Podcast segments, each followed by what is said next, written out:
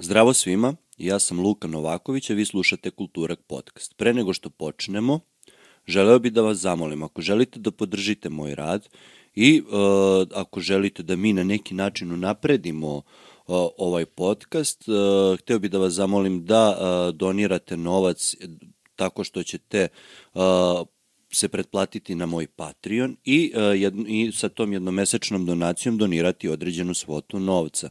Ili ako želite da donirate novac jednokratno, to možete učiniti preko mog Paypala što se nalazi u opisu ovog videa. Takođe, ono što želim da vas zamolim jeste da ako mislite da će ovaj sadržaj nekome da se dopadne ili svidi, da mu pošaljete i da on može to da presluša. U suštini, hvala vam na dosadašnjoj podršci, a mi sada prelazimo na epizodu. U mojoj, sledećoj, u mojoj sadašnjoj epizodi koju vi slušate, uh, gost je bio Stefan Aleksić. Stefan Aleksić je etnolog, završio je master na političkim naukama na smeru uh, feminizmu, odnosno na feminizmu. Uh, zavr, sad završava trenutno doktorat na javnom prevozu Tako da jedan e, radi kao novinar u mašini, jedan jako zanimljiv tip, poprilično alternativan na svim nivoima, bavi, bavi se radničkim pravom u modnoj industriji kao i generalno radničkim pravom. Uh, svakakvi zanimljivi stvari od njega može da se čuje, jako obrazovan, inteligentan, pametan čovek. Tako da meni je bilo zanimljiva ova e, emisija i ova epizoda, tako da nadam se da će vam se to svideti. Uživajte, a mi se slušamo.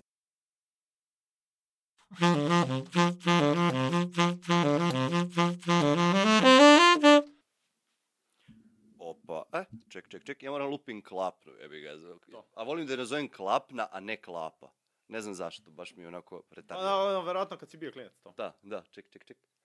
E, da možemo da povežemo To, čisto to, zvuk da, da. i kao... Ala... Ja Ala... znam te fore, ono, mislim, par puta sam ono to u nekom snimanju i kao lupiš pa onda pričaš. To. Pa dobro, znaš šta, meni to nije, ja generalno podcast gledam da počnem poprilično neformalno, pa gde sam Da, da, krenuo, da, krenuo, da. a to mi je čisto ono da mi montažer Da, da. posle ne, Da, ne gleda da. u usta da vidi gde sam rekao A, da bi mogo da A n- Da, nakači da, na da. mene. Kako si? Je, pa pravo ti kažem, nije loše, ovaj... Uh, Sinoć sam nešto bio na nekoj konferenciji ceo dan, ovaj, i evo danas došao da ono, snimimo neki podcast. Da Čuo sam da ima neki podcast u Obrenovcu, Da. pa sam. Pa ono, gde svi Turci tu i mali mujo, razumeš, sad ko- kogod Da, da. nema gde, ajde da ga udomimo u neki ali, podcast. Uh, mislim, uh, forma podcasta je zapravo jako zanimljiva, ovaj, zato što to može na gomili medija da se, znaš, kao nađe. Ovaj, nije ono klasičan intervju, nije, znaš, kao kratka forma, pa kao pet minuta, pa šta, ono, u pet minuta, ono, na, naguraš. I onda je, znaš, kao jako zgodna, ono, forma. I to i za šerom, za, ono, sve živo. Pa- I drago mi je, eto, da Obrenovac ima, ono, nešto kao to, sopstveni. Da. Pa ima već ovaj Kosogor, ali Kosogor se bavi nekim drugim temama, li, to, life to, da, da. E, b- svaka čast svakome, Da, da, da, međutim sad- nije to moja sfera interesovanja, Pa, reći da, ćemo i to. moja, eto, recimo to tako. Ali kako se zove, pa recimo što je tu zanimljivo, ja sam sad gostovao, mislim ovo će se emitovati pet nedelja da, kasnije, da. a tako snijam zbog svojih obaveza kako god, uh, i kad budu prošli izbori. Tako da ono sve ovo što budemo rekli će u suštini biti posle izbora, tako da ni na koga nećemo u Da, suštini da, da, da. uticati. Uh, ni na jedan jedini način, možda za sledeće, ko, ko zna. E, ako će biti izbori posle šest Pa, meseci tako je, godinu dana, kako smo ono, krenuli, ono, glasat ćemo na, na mesec ono, dana, mesec jebi ga. pa da. I bit ćemo ko rimska skupština, razumeš, da okupimo parlament pa šta izglasamo. Uh, I sad gostovao sam na radiju i ono, čak je emisija za radio bila i dugačka, mislim trajala je 50-ak, 55 Da, da, da. minuta.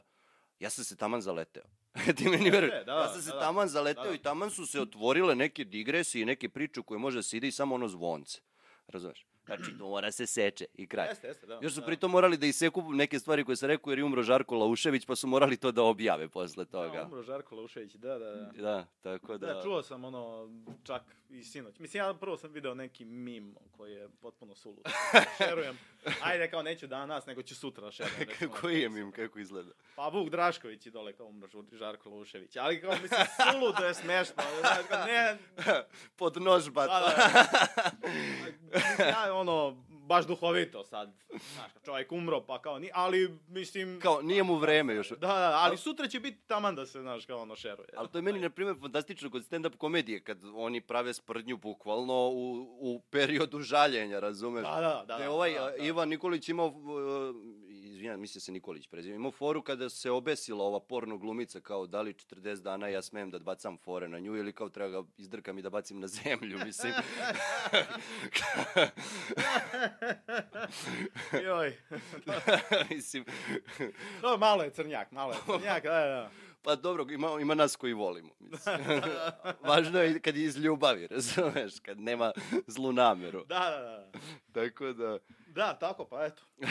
čime se baviš, šta radiš ovako? E, pa, misliš ovih dana ili? Ovi dana, generalno, mi ćemo to onako Pa raširiti. da, da, pa Biće pazi. ljudima, mislim, više i nego jasno kada krenemo, da. Da, da, ma da, ono, bit će ono, znaš, kao, ovaj, pa ništa, mislim, znaš, kao trenutno, ovaj, uh, pišem doktorat, pišem doktorat trenutno, ovaj, to mi je sad, ono, okupacija nekih već dve godine, ali moram priznati da sam do sad, ono, nisam se baš nešto, ono, zaleteo, baš, znaš, kao pisanje, ono, teze i to, ovaj, i trebalo bi da počnem ovih nedelja, recimo, sad, kad će to tačno, ne znam, ono, ali trebalo bi ovih nedelja i treba će mi nekih, ne, ne, stvarno, ne, nemam ideju koliko može to možda traje, ovaj, ali nekih 6, 7, 8 meseci, ono, bi trebalo mi da, otprilike, da napišem, ovaj, tezu, pa onda to sad ima neki proces, ono, to, moram da ga ostavim malo da se, ono, oladi, da ono stoji nek, da ga ne gledam me, par meseci, pa onda da ponovo pročitam, pa ne znam tačno, ne znaš kao kad će to biti, ono, ne, nemam ono ni ideju. A inače, ovaj, pored toga, ono, bavim se i pisanjem i radim za jednu međunarodnu organizaciju, uh, Clean Clothes Campaign, koja se bavi pravima radnika u tekstilu.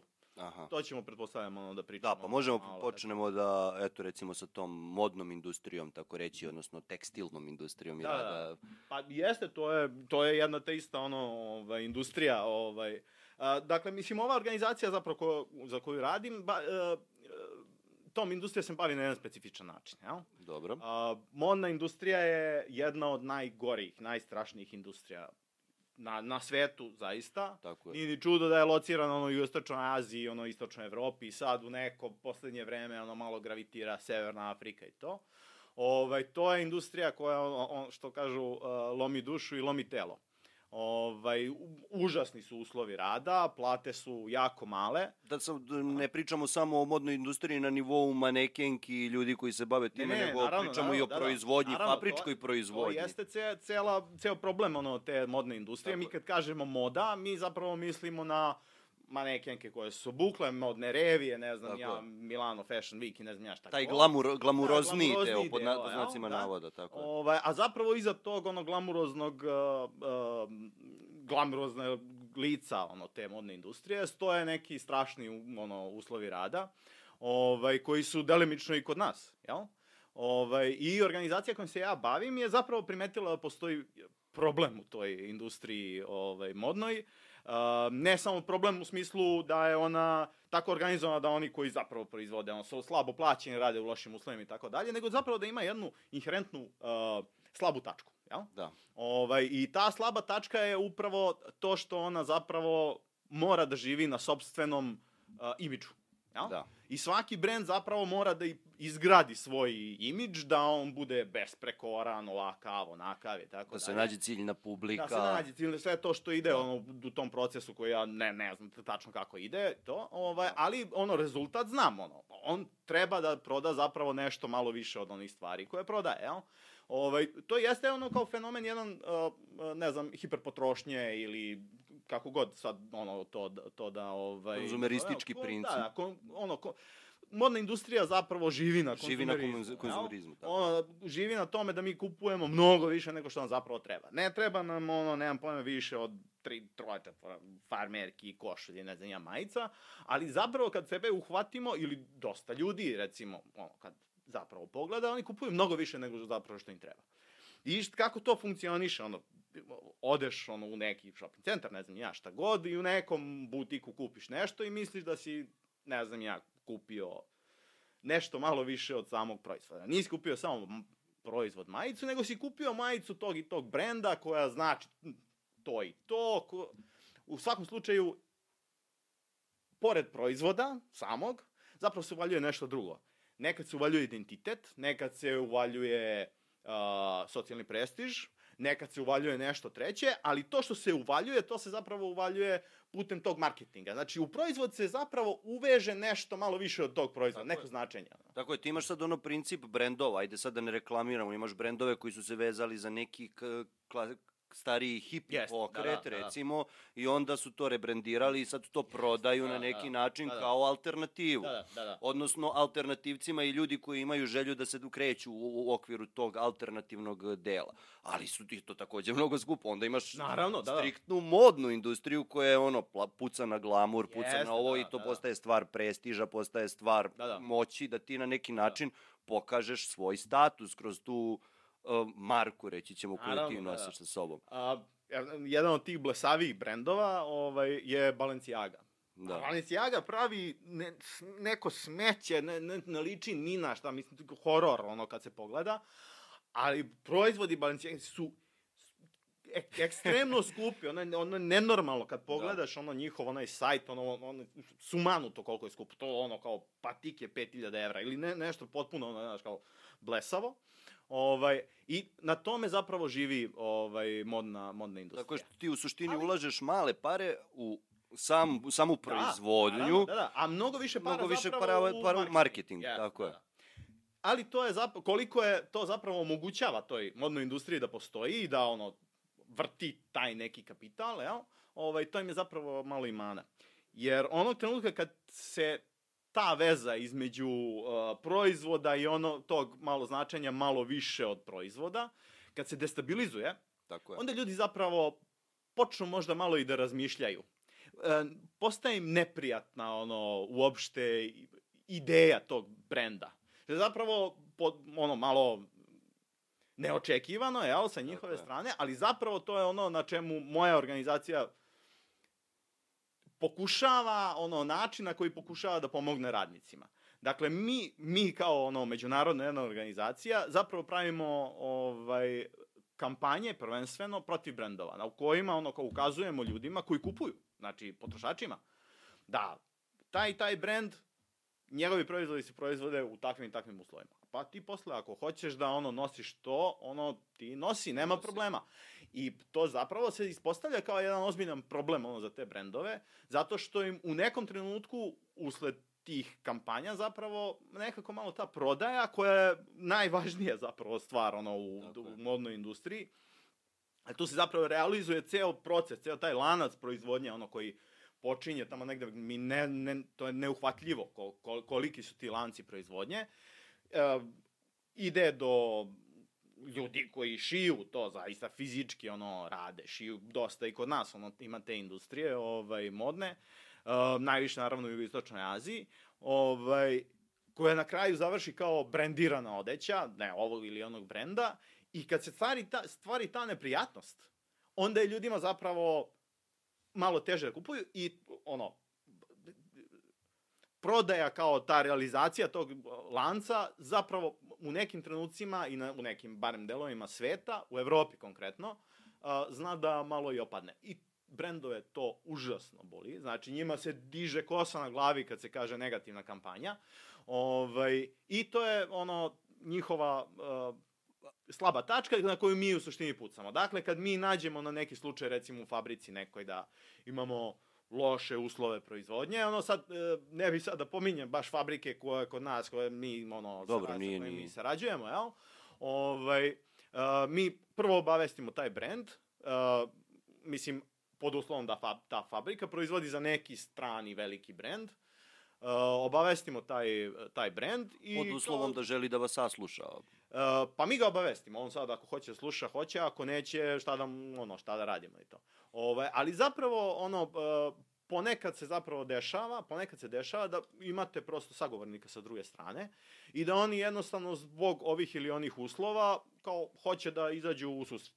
Mi sad imamo jedan slučaj negde u Srbiji gde su radnicima dugovane uh, dugovani neki prekovremeni sati. Ja? I mi smo se obratili, ovaj, to su bila tri brenda, u, uh, baš su veliki brendovi bili, ovaj, u pitanju. Mi smo se njima obratili, taj proces je trajao godinu i više dana, jel? Uh, da brendovi zapravo izvrše pritisak na fabriku u, koja je u Srbiji da bi se taj novac isplatio ovaj, radnicima. Da. Yes. Oni su to uh, osetili da postoji možda neka pretnja kampanjom, nešto što se njima ne sviđa i o, izašli su nam u susret koliko toliko. Oni su vrlo verovatno, sad mi ne znamo tačno šta se tamo dešavalo, ali vrlo verovatno su oni od, od ozgo, jel? Dole neke, ta, poslali neke mailove, šta god, da, da, da, koji su u suštini ono, to glavni, ono, no, Tako je. nosioci Nosioci moći, celokupnog jel tako, da. Posla, da. ovaj, su javili toj fabrici i taj je slučaj ono, rešen. Isplatili su tim radnicima koji su to zahtevali, isplatili su im te plate koje su im, uh, koje su im odnosno prekovremene sate. Ovaj, tako da, eto, to je otprilike jedan ono način na koji se ono ovaj e, borimo. Sad naravno ima različitih brendova. Ima neki brendova koji jednostavno nikad ne, ne obraćaju pažnju na ono što i mi I možda koji e, i uspevaju negativan marketing da okrenu možda u svoju korist. Pa zanimljivo je da je jedan od tih brendova zapravo poznat upravo po tome da je svojevremeno pre nekih 20 i 30, 30 godina ono zapravo koristio negativni uh, tu sa, sam je sebi pravio negativnu kampanju. Mislim Tako u je. pitanju Benetton. Kao svi se sećamo ono Benettona koji je kao pravio one uh, uh, potresne reklame, ne, mislim, sulude su reklame United Colors of Benetton sa onom majicom, krvavom i ne znam ja šta. Ovaj, oni su zapravo tad u velikoj meri nap, napravili uh, imidž, ime, jel? Tako je. Uh, ovo, kako se zove, uh, Benettona, jel?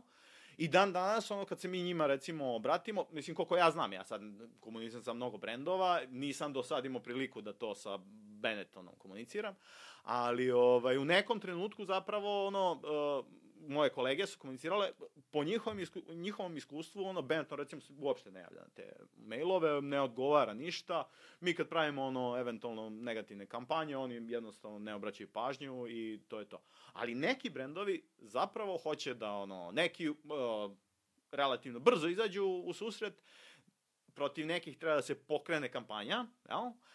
Pa tek onda ono prosto postoji ono neka vrsta ono reakcije. I ono sad imamo mi još nekih ono par ovaj e, stvari kojima se bavimo. Recimo ta kampanja globalna Pay Your Worker uh, Pay Your Workers uh, koja uh, se zapravo bavi onim problemom kad je 2020 jel tako godine bila korona jel tako kri, Tako, kriza da d- 19. je počelo, 20. je Yes, došlo tačno, kod nas. da, Da, da. Ovaj, tad u jednom trenutku ono ta mo- modna industrija je izgledala kao da će da umre prek sutra ili tako nešto. E, došlo je do gomile zatvaranja firmi, u jugoistočnoj Aziji najviše, zato što je tamo najviše e, locirana i proizvodnja i zato što je ovde kod nas su zapravo bili e, neki sistemi kojima je država uglavnom nekako pomagala ili direktno finansirala ili Subvencionisala, subvencionisala, da. da. Nekako se ono, ali zapravo uh, u istočnoj Aziji došlo je do gomile otkazivanja narudžbina.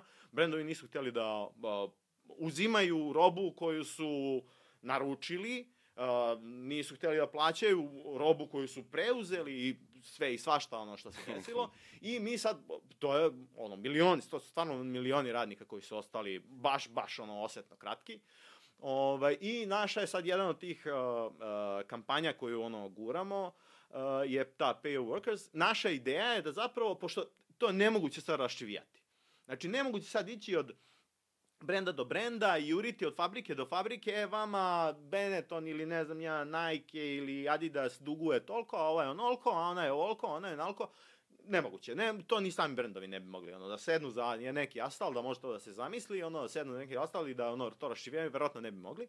I onda je naša ideja da u suštini svi brendovi uh, jedan deo svog profita zapravo uplaćuju jedan zajednički fond. I da se iz tog zajedničkog fonda isplate radnici koji su, ili barem do ne, ne, ne, neki deo tog dugovanja, da se isplati radnicima koji su za to vreme 2020. godine to, ostali ono uskraćeni za neke plate, neke otpremnine, neki za ne znam ja šta god. Ovaj, I trenutno ono naša strategija je zapravo pritisak na Adidas. Dakle, znači, ono, u nekom trenutku pre jednu godinu i kusur dana smo se odlučili ono da je bi najpametnije možda bilo ovaj, uh, izabrati neki brend i onda njemu vadit mast. I tom Adidasu mi stvarno vadimo masti. Bile su briljantne ono, ovaj, neke kampanje. Uh, prošle godine na uh, nekom od, od New York Fashion Weeku ili tako nekom od tih ono uh, fashion, velikih fashion događaja ovaj, smo na, napravili, a? Može voda? Uh, može, može, da, da. Dobro. smo ovaj, uh, napravili alt, alternativnu uh, modnu reviju Adidasa koja je bil, bri, bri, ne, nevero, genijalna. Znači, to ne, od nekog đubreta koje se skupilo sa, bukvalno đubrišta smo, su, nisam ja sad lično, to smo imali ono neke naše ono, ove, partnere s kojima smo ono sarađivali, neki kreativni mladi ljudi, ovaj, koji su pravili to Adidas stvari od nekog đubreta koje izgledaju super, a zapravo e, cilj toga je bio da pokažemo ono da e, to Adidas zapravo ima odgovornost, jel? To je bilo viđeno, e, ljudi su to primetili. Šta smo još ovaj uradili? Ne znam da znaš ko su Yes Men. Ne znam, ne znam. E, to su oni likovi koji, koji prave uh, lažni sajt i lažnu strukturu neke kompanije. Dobro. I sad naprave, ne znam ja, oni su poznati po, uh, prvi put su to uradili sa onom firmom Union Carbide. Dobro. To je neka velika hemijska industrija, njihova fabrika je tamo 80. neke godine eksplodirala ili šta se već desila, neka nesreća u Bopalu Indiji. To je najveća ono, industrijska katastrofa u istoriji. Tu je izginulo desetine hiljada ljudi. Ono, po poumirala se od neke, kis, nekog otrova, ne znam ja, koji se izlio iz fabrike, jel? I ovaj, uh, posle toga je proces protiv tog Union Carbide uh, kompanije trajao to 20-30 godina, nikad se nije završio, da oni prosto plate neku vrstu odštete. Yes Man, to su dvojica nekih likova koji su napravili lažni uh, site Union Carbide, zvali ih u neku emisiju na nekoj ono, velikoj televiziji greškom. Znači, ukucali su Union Carbide u Google, izašao im prvo njihov sajt, dogovorili se intervju, ova dvojica su glumili CEO uh, ovog direktore, recimo, da. naš, kao Union Carbide, i rekli, da, da, mi smo kao firma odlučili da to isplatimo. I onda Union Carbide se našao u nezgodnoj situaciji, jer kao morali su da kažu, nećemo da isplatimo, što je užasno neprijatno reći, i baš onako, nezgodno, jel tako? Pa ste užili te momke na kraju ili šta se... Ne znam tačno šta se dešava sa tim, mislim da nemaju nekako, na neki čudan pravni na, nemaju osnov da tuže tako te, je. te ljude. Jer to može da se podvede čak Naravno, i pod, to, pod humor. Se, da, nešto da, tako, da. kao zezali smo se ili šta god. Satiru kao, neku da, da. vrstu. I mi smo se ono sa njima kontaktirali i oni su napravili lažni uh, sajt Adidasa, jel? I onda su uh, uh, na tom lažnom sajtu i u, na toj, upravo na toj, kako se zove, ovaj, nedelji mode, sad, čini mi se da je bio New York prošle godine, ovaj, uh, najavili kao da novi CEO uh, Adidasa je jedna radnica iz Bangladeša, čini mi se, koja je uh, to, bez posla ostala 2020. godine, a sad, pošto je pametna, uspešna, ne znam šta, uh, kao postavili smo je da bude CEO i ona je obećala da će Adidas da plati svoje dugovanja radnicima koji su ostali to 2020. Sumanuto, sumanuto što se sve ono kao izdešavalo, ali Adidas se u suštini našao u nezgodnoj situaciji. Posebno se ta nezgodno našao u situaciji zato što je u isto vreme imao problem sa onim, kako se zove onaj što im je bio uh, glavni uh, lice, onaj reper, kako se zove, Joj. Kim Kardashian. No. Da, da, onaj bre, nije... West.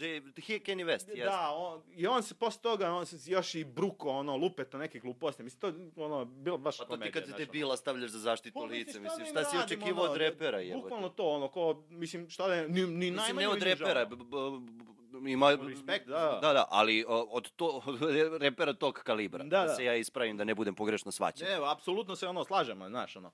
I sad kad se sve sabere i oduzme, Adidas ono poslednjih godinu, godinu i po dana baš u nezgodnoj situaciji, jel? I sad nama je cilj, naravno, ok, mi imamo, znamo šta nam je cilj, cilj nam je ono da brendove, industriju celu dovedemo na neki pregovarački sto i da sa njima potpišemo ugovor u kojem će stajati neki procenat, ono sad, to je malo i stvar diskusija, malo stvarna tezanja, pregovaranja ovog tako. onog. Čim je novac uključen u priču, da, to, to mora da, da potraje. Prosto, u nekom trenutku mora to da se ono pregovara, ako dođemo do, do, do tog ovaj, trenutka. I onda je to, jel tako, ono, naša strategija da ono, probamo neki veliki brend, da dovoljno izmaltretiramo, da oni kažu, ok, skinite nam se, evo, da hoćete, ono, koliko, pola procenta, trećina procenta i ne znam ja koliko smo ono... U suštini vaš cilj je generalno da uh, dovedete određenu vrstu radničkog prava u kompletnu tu industriju, da, naravno, svaki da, da. radnik koji radi tu pre svega ima humane uslove. Koliko Da, da, da. ovo god zvučalo paradoksalno, veliki problem je što u bilo, bilo kojoj vrsti uh, industrije, Mhm. uh, pogotovo privatne, državna industrija je nešto sasvim drugo. A, globalno sad i nema puno... Pa pričamo za Srbiju, Da, da, ali da, globalno je globalno je nešto globalno e, privatna industrija ne postoji to kod nas još uvek. e, Da, da, mi smo igrom slučaja, ono, zbog nasleđa, zbog ovog, zbog onog, ono, sankcije, ratovi, rat. Jugoslavije, socijalizam, tamo, vamo. Ove, ali da, ono, da, industrija zapravo jeste, u suštini, posebno modna da to prosto nema ono nigde ono To je kompletna Da, da, pri- da, da. privazija- p- Da, da. privatizacija. I Da. sad, I sad, šta je sad fora, mislim, sa tim... Uh, pro- proizvodnja u tom globalnom lancu se zapravo, uh, tom fenomenu, toj industriji, se zapravo organizuju po principu tog lanca.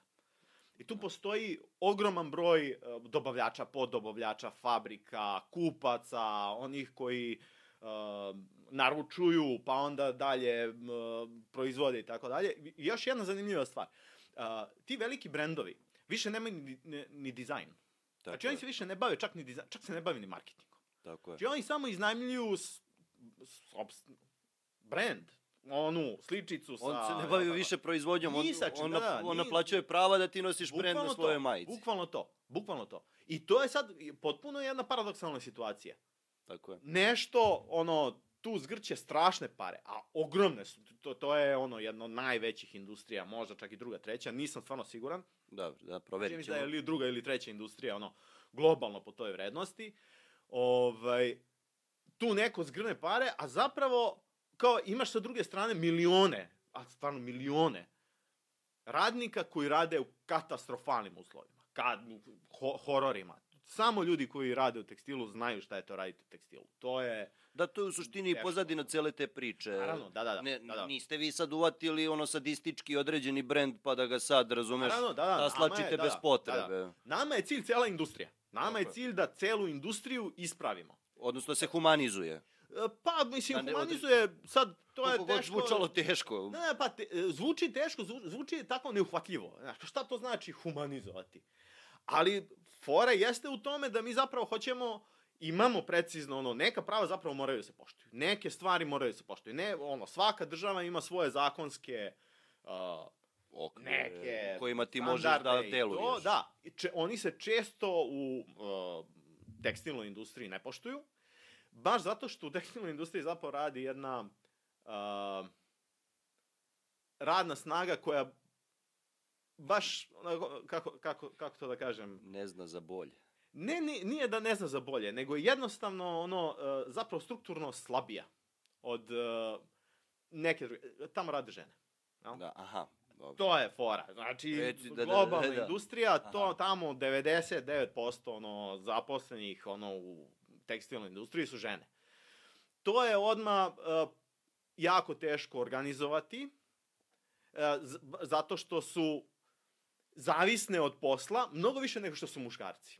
Jer to, to je jednostavno način na koji se to... Da, pa i zavisi u kakvim su sad životnim situacijama. Sad nećemo u da, to da, da da. ulazimo. E, Pogotovo ako je žena primorana da Mhm, ostane u toj firmi i ako nisu uslovi Da, da, da, da. idealni, znači ona je primorana da ostane tu. Onda kakva je životna situacija koja stoji iza Da, cele, celokupne tako, da, te da, da. priče i kakav je to, jer obično kada ti pogledaš neka, ajde kažem, osvešćena osoba, kaže ti mene ovde jebeš kao konja, okrene se i ode, Da, da, da. otkaz. A ako ti nisi u stanju E, da to, to, da, da. uradiš, Da, da. znači ti na neki način zloupotrebljavaš e, njihovu, njihovu, njihov nedostatak izbora. Da, da, da. To je ranjivost u suštini. Tako je. To je ono uh, stanovništvo koje je u suštini ranjivo iz ovih ili onih razloga.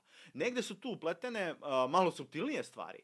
Uh, sad ja stvarno ne znam ono previše ono situaciju u Istočnoj Aziji, ali pretpostavljam da je u toj situaciji porodica vrlo često jedan disciplinski mehanizam, Tako jel? je. koji zapravo na ž, ž, žene u Pa kompletna jugoistočka, jugoistočna, jugoistočka, jugoistočna Azija je, je jedan disciplinski organizam. Jeste, da. E, Danas savremena država jeste jedan disciplinski mehanizam koji Da. to kao poku... Org mehanizam. na ovaj na, ili na onaj način pokušavate disciplinuje na ovim ili na onim poljima pa daje slobodu na nekim drugim poljima, dok može to da se trpi, ono.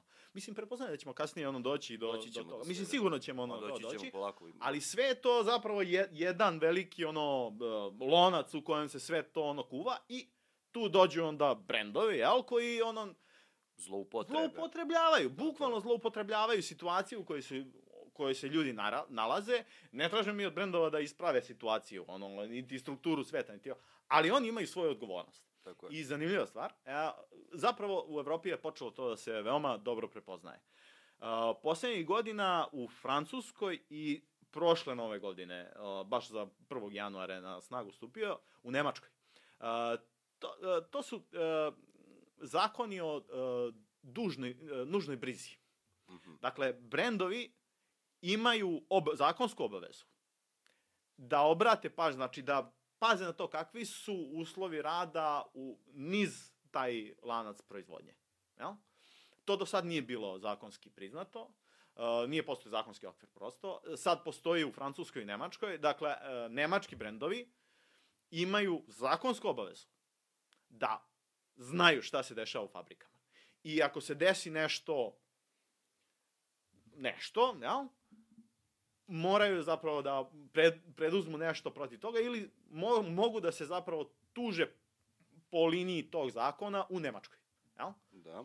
To je nešto što našim radnicima i u jugoistočnoj Aziji i svim radnicima koji zapravo rade u tim svim lancima proizvodnje, a zapravo to je i autoindustrija i veliki broj industrija zapravo funkcioniše na tom ovaj principu lanca proizvodnje, većina, vrlo verovatno skoro sve. Ovaj imaju pravo da proces ukoliko sad ispuni neke uslove, a ima tih nekih uslova jer nije naravno potpuno taj zakon naklonjen radnicima, je morao da balansira interese tamo kompanija i, i ono, pritiske od civilnog društva u Nemačkoj, jel? I pod pritiskom civilnog društva je zapravo i došla do te ideje da se napravi taj, takav zakon. Ovaj, imaju pravo ono da ih tuže ono u, u Nemačkoj. Ima prepreka, ali zapravo postoji jedna ono veoma čista i jasna zakonska mogućnost i ja koliko znam, e, do sad ni jedan slučaj nije pokrenut po liniji ovog ovaj zakona. Ali e, nije slučajno da nije. Ja, e, tako, tako je. je uređen zakon da ima puno rupa i prvi e, slučaj koji se bude e, podneo pod e, taj zakon zapravo mora da bude čist ko suza. Jer će na, u odnosu na prvu presudu u, po liniji tog zakona, jel? Celo tumačenje zakona koje je užasno Zavisiti. kompleksan. Zavisiti ono celo tumačenje u budućnosti. Što u suštini e, to tebi daje prostor za manevrisanje. U suštini je kada tačno, ti da. kada ti ostaviš zakon koji nije taksativno Da, po da. tačkama određen detaljno, Da, da.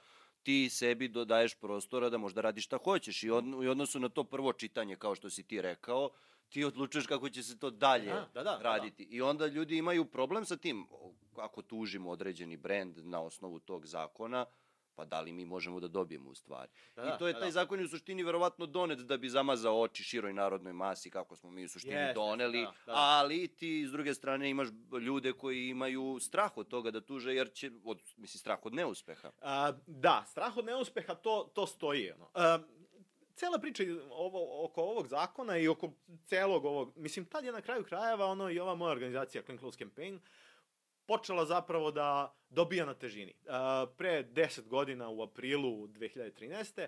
Ne znam da si čuo nekad, bila je ta nesreća u Rana Plazi.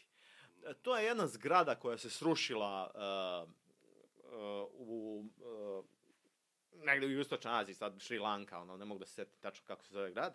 Ovaj posle ćemo proverimo pa nekako da ubacimo, ne znam. Do, nije Ovaj, važno. da, da. E, srušila se jedna zgrada u kojoj je e, i bila fabrika e, neki ono nekoliko tekstilnih fabrika koji su bile na spratu.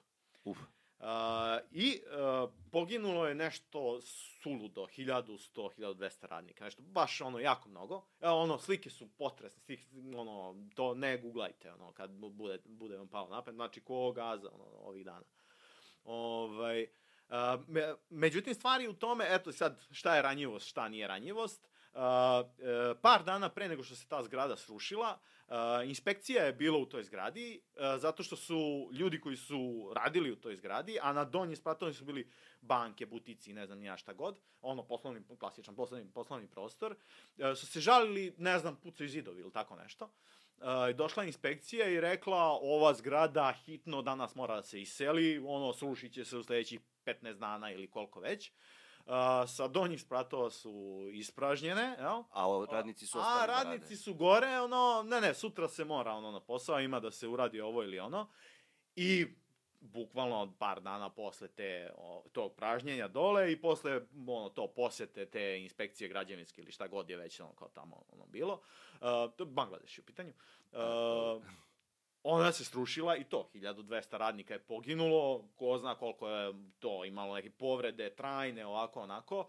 Uh, tekst, no, modna industrija nije preuzela nikakvo, nikakvu odgovornost za to, iako jel- zapravo snose ogromnu odgovornost. čekaj, ako je došla inspekcija i došla rekla ova zgrada mora se iseli, šta će onda ljudi tu? Kako su oni to uspeli da opravdaju? Pa mislim da li to, A, pa mislim, verovatno je taj Bangladeš ono otprilike ono rupčaga, ono pravna Pa koji da. mi otprilike i onda se tu ko zna kako to ono Tu zapravo. zna ko je koga kako... Da, da, sad, da li je neko završio u zatvoru ili nije... Verovatno da jeste. Verovatno da jeste, da. Neko je morao. Neko je morao, ono, ni, ni Bangladeš nije baš pod, ono, sulu, toliko Jesmo mi be, da, da. država bez zakona, ali nismo ni mi baš tolika. Neko mora robijati na kraju. Vrlo verovatno je bio pritisak ono, od ozdo od nekog civilnog društva ili društva ukupno. Ovaj, Neke koje- nevladine da, da. organizacije ili šta koje su ono pri, prosto državu primorale da nekako reaguje. Država sad, e, koji je njen manevarski prostor, ona može da ono nekog direktora ili koga god tu nađe odgovornog da ga strpa u zatvor. Ali to zapravo nije kompenzacija adekvatna za one ljude koji su poginuli. Jel? Tako je. Ono što bi bilo adekvatno, to je zapravo da na to u kakvim uslovima rade, između ostalog i u kakvim zgradama rade, da na to obrate pažnju brendovi. Jer za njih se zapravo proizvodi. Oni su ti koji pod jedan su korisnici tih ono, proizvoda, mi smatramo ono principijalnim poslodavcem. Ono. Iako ugovor imaju sa nekom fabrikom tamo Bangladeš, Srbija, Šrilanka, gde god, njihov principijalni poslodavac je zapravo brend za koji proizvode. I u tom smislu oni snose odgovornost. I druga stvar, politikom cene proizvoda ti brendovi prave loše uslove. Jer oni stalnim tim pritiskom na fabrike da proizvode više za manje, da ono tu hiper proizvodnju, jer to je suludo ko, kojom se, koja Tako je, to- količina se ono Mislim, mi moramo samo da kažemo da ta modna industrija, odnosno tekstilna industrija pokriva ceo svet. To nije, da, da, da, to nije da, da. sad industrija koja će pokriti grad veličine Beograda Naravno, ili naravno, Obrenovca. to su- da, da. I Beograda i Obrenovca uz I celokupan ko zna, svet. da, da, da. I New Yorka i bl- to su ono to je količina proizvoda nenormalna koja mora Da, se da, proz- da, da, proizvede da, da, na da, godišnjem nivou. I pritom ono većina tih, tih proizvoda se uopšte ne proda. Jer oni onda, moraju da idu na uništavanje, jer a, toj samo industriji se zapravo ne bi isplatilo ono što nama izgleda, jel tako, ono, pa sasvim logično, potpuno Da logično. proizvedeš i prodaš. proizvedeš i kao šta ne prodaš, pokloniš. On, ima neko ko nema šta da obuče, ono, ne znam ja, šta god. Ali, pošto prosto žive na tom, se. na tom, ono, manjku sopstvenih proizvoda, stalno im, znaš, kao ono, fali, nis, oni zapravo veliki deo proizvoda moraju da unište. Ja, to, su, suludi su i procenti, ono, to je više od pola se proizvoda svih Pa što modnih proizvode toliko? A, oni proizvode da bi to potencijalno prodali. Međutim, kad se nađe ono u, o, višak proizvoda u skladištima, oni zapravo počinju da im prave problem. Jel? Da. I onda, ili ćeš da uradiš nešto sa njima da ih baciš pa neko da ih uzme, ali ako ih neko uzme, onda zapravo manje, manje Smanjuješ količina, veličinu da, da, količina ljudi koji će ukupno da kupuje. Tako je. I onda logična stvar ono koja se ono koje koju će naravno da urade to je da onda to proizvedu i onda šta ne prodaju zapravo unište u nekom trenutku. Šta ne ide na on, po onim suludim, kako se zove, ono, popustima za novu godinu, ne znam ja šta, da sve to uništava. Ono. A, modna industrija je jedan od najvećih zagađivača na svetu. A, Zanimljivo. da, to druga zapravo, mislim, posle naftne industrije, modna industrija je najveći zagađivač. Još da ne pričamo sad o procesu, tom tehni, ono, tehnološkom ono, procesu proizvodnje, koji uključuje ko zna šta i ovakve boje i onakve boje i ovakve materijale i onakve materijale. Opet, oni koji rade u tekstilu znaju šta je baš prašina ona, jel? I koliko je opasna i koliko je nezgodna i to. Evo, ja ću samo jednu stvar ovaj, da pomenem, a to je už, ono, jedna veoma opasna ono, stvar, a to je peskarenje. Uh, mo, mo, moderne su ove izgledale farmerke, jel? Da. Ove, one se prave tim procesom peskarenja. Dakle, uh, jako sitna peščana prašina uh, se pod velikim pritiskom, velikom brzinom, kroz neke topove, kao oni topovi za vodu, jel? Da, da. Se uh, prska uh, materijal, Texas, i on postaje izbledeo, jel? Problem, naravno, sa tim je zapravo što ta prašina sama po sebi je užasno opasna. Uh, ono, ono, Zapravo, dođe u ulazi pluća, u disajne da, puteve. Ulazi u disajne puteve i zapravo ne može da se izbaci. I proizvodi, ono, uh, silikozu, sad, doktori sad znaju šta je silikoza, to je jedna neizlečiva bolest. To ne može da se izleči i ono, kad imate silikozu, prognoza vam je par godina. Ali stvarno par godina. Ali i dugog i, i umiranja u gušenju. Da, reći. bukvalno to. Znači, užas boži, ono, stvar, Tako je. stvarno jedna strašna ono, stvar. Uh, ali je modna industrija to rabila vrlo često, pa zato- moderno je, to se prodaje. A dobro, a, a onda, na primjer, došlo je do napretka tehnologije, da mi ne možemo da ubacimo neki tehnološki, neku tehnološku stvar. Može, ali je skupa. Ali je skupo. Da, da, to je problem. Postoji lasersko izbeljivanje koje ima uh, problem prvo to što je skupo, a drugo zato što ne ostavlja, uh, osta, uh, može da ostavi samo prepozna, prepoznatljive uh, matrice. Jel? Jer on mora da se programira gde će da izbledi to. Tako je. A kad uh, običan radnik ovako otprilike ono ispeskari pantalone, one su svake svake su drugačije. Ja, pa. Da. I onda je to mala kao prednost i to. I naravno prednost je to što je jeftina, jel? Tako je. A, pre nekoliko godina ono u Turskoj je recimo zabranjeno to peskarenje i sad nije legalno, le, negde se verovatno negde ilegalno ono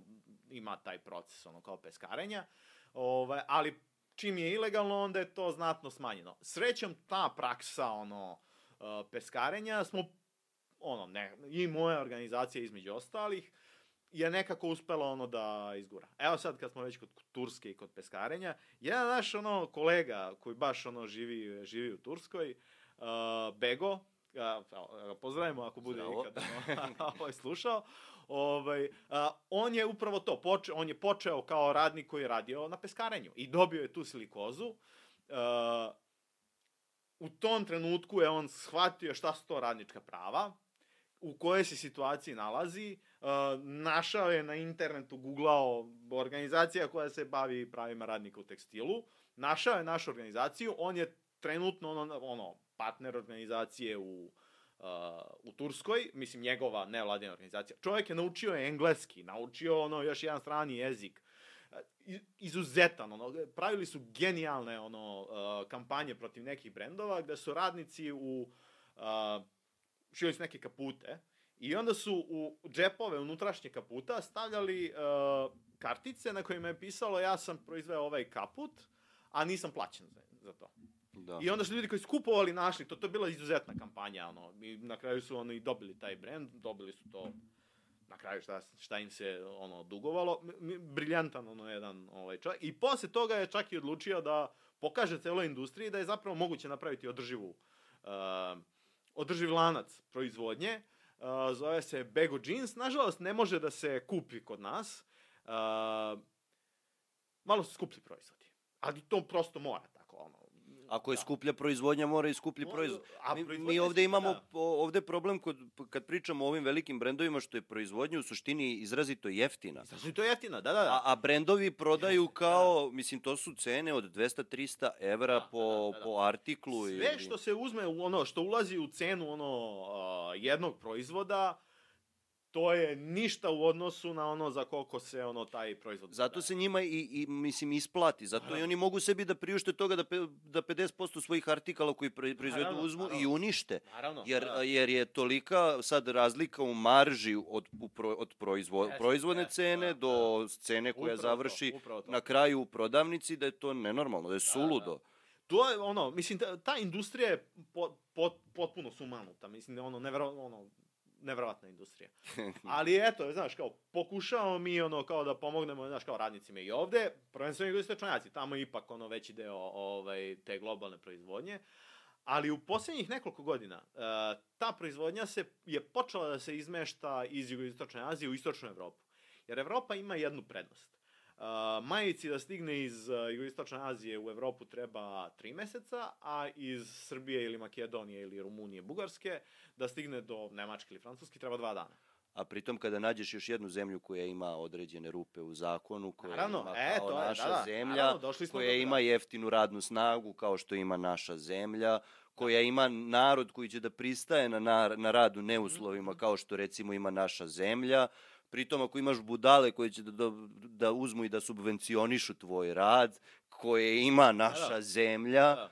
zašto Jeste, ne bi jeste, došao? Pa zašto ti ne bi Da, došao? pazi, to je ono, mi, mi to zovemo trka do dna, jel? Tako je. A, zapravo se ono, uh, u ovom našem regionu, uh, države između sebe jedna sa drugom takmiče u tome koja će biti zgodnija za investiranje.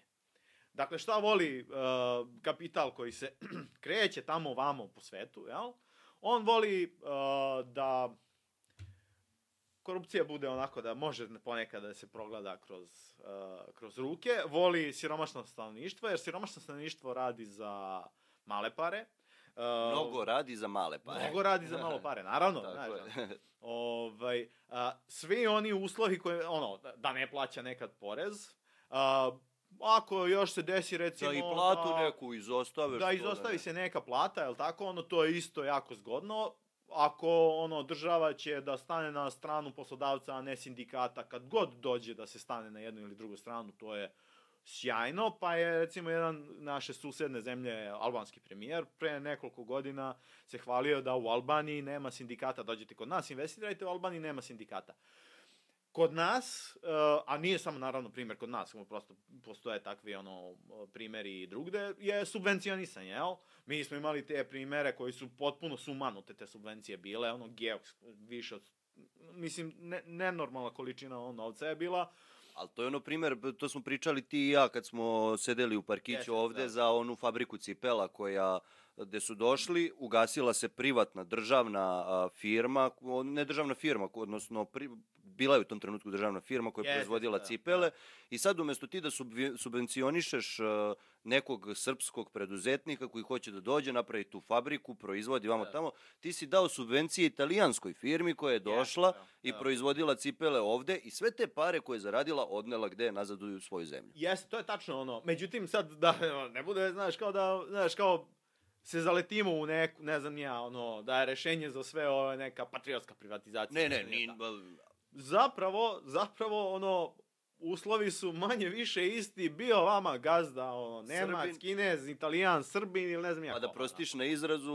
ovde kod nas u Meiti su često radnici koje poznajem Jeste, govorili da. da ih više urnišu ovi naši nego što ih urnišu Kinezi. To, e, to, se, to vrlo često ponavljaju, ponavljaju radnici. To, znači ja sad sam u direktnom ono, kontaktu, vrlo često čujem taj, e, tu rečenicu od radnika, nas zapravo e, Ne, najviše, Kinezi. znaš, kao drndaju, ne sad italijani, ovi, oni, levo, desno, nego naši, pa sad, kao šef ovaj, šef onaj. E, ok, iz pozicije, pogledano iz pozicije radnika, to možda jeste tačno, jel? Ovaj, Ali iz pozicije tog šefa, A, i, na, a ja mislim da iz pozicije šefa uh, Nije baš jednostavno. jel? Ali uh, iz pozicije šefa zapravo ima neko iznad njega, tako koga ono kucka u glavu ili ne znam ja kako to da ono nazovem. I kome će onda odgovara za sve Naravno, što se kome će da on odgovara na kraju krajeva zašto nije proizvedeno toliko i toliko. Tako je. Zašto je proizvedeno toliko i toliko za toliko i toliko para, ne više za manje para ili šta god. I na kraju krajeva on ima konkurenciju. U susednom gradu se otvori fabrika tekstila koji kažu, e, mi ćemo za majicu da proizvodimo za ono 12, a ne 13 ce- eurocenti, recimo, I on sad mora da se znoji i da se pita kako ja sada proizvedem ono za 12, a ne za 13 ili za 11, ne znam ja, šta, ko- kako već. I, a jedini način, jedina stvar u koja u tom pro, uh, lancu proizvodnje on može da kontroliše, to je cena rada. Da. I zato on stalno vrši taj pritisak na radnike da rade više i kako god može da smulja da ih manje plati, ne plati ili da ih, ne znam, ono, nekad plati u skladu sa zakonom, jel? Ali da je ono izvuče iz njih ono što, Dušu, što vi, što, rekao. kažu dušu. Ono, to ono, kako izgleda rad u tekstilnoj fabrici, to, To samo ljudi koji rade. Samo ljudi koji rade ono u tekstilu to ono poznaju. A, suluda je industrija ta ono tekstilna, ali Ali kad smo već... evo ima mogućnosti da se bori protiv. Da, ali ono kad smo već kod te uh, azijske, sad kod nas skoro si pisao članak u mašini za dvojicu tipova koji su poginuli u, u, u Meiti. A, jeste, da, da, da, da, to je ovaj sad slučaj što je bio pre nedelju, dve dana, Tako ono, da, da. A, mislim, još uvek se ne znaju ono detalje, ono, toga, sva, sve i svašta se priča po grada, ja moram ono sada priznam. A to je ono što je Ovaj, najveći problem u celoj toj priči, zato što te priče više odmažu nego što bilo šta mogu da pomognu. Jo, jeste, to je tačno, da, da. E, sad, e, Da budemo objektivni. Da, da, da. Gomila tu problema ima. E, mislim, sa Meitom, ono, uh, ja prvo nisam siguran 100% ono da taj, pre, da, ta raspodela radnog vremena koja ide nedelju dana radiš prvu smenu, nedelju dana drugu, nedelju dana treću. Ti šest, Da, šest tih- dana za redom Da, u da, suštini radiš- radiš, od uh, Da, da. 10 uveče do 8 ujutru. Ili To 6 je ujutru. malo suludo. Sumanuto je. Ne, ni, sad ja nisam pravnik pa da kažem ono da li je to legalno ili da li je to u skladu sa zakonom ili ne, ali nešto čisto sumnjam da je onako, da to možda bude, je. jel tako, ono, u skladu sa zakonom ili ne. I još, naravno, gomila stvari koje ima, ono, tu problema, ono, kao u Meiti. Uh, međutim, naravno, ono, kao i sva druga industrija, kao na kraju krajeva i ova tekstilna industrija. Vlasnici Meite, direktor, tam management Me- Meite, zna da radi sa, ono, u neku ruku oslabljenim radničkim pokretom, jel? Neku, na ovaj ili na onaj način je on oslabljen. Teško je napraviti sindikat, a, kad i probate napravite sindikat, naravno da će menadžment prvo gledati kako da vas pritisne da ne Da napravite do toga sindikat. ne dođe. Da do toga ne dođe, naravno. Ne, Jer lakše je to n- iskontrolisati dok još nije napravljeno, nego kontrolisati kad do toga dođe. Jer to onda Naravno, već da, zavisi da, od da. besa mase, a ne od besa Jeste, pojedinca. Tako, tako. Radnici kad su angažovani, kad su organizovani, kad su udruženi, onda oni mogu sve i svašta da dobiju. To je, mislim, to je ceo nauk. Kad su organizovani i kad su nagomili, jer oni imaju uh, meh, ono, leverage na engleskom, polugu koju niko drugi nema. Ako oni prestanu da rade, Sve, sve ode od dođavola. Jel? Ali toga ljudi nisu svesni.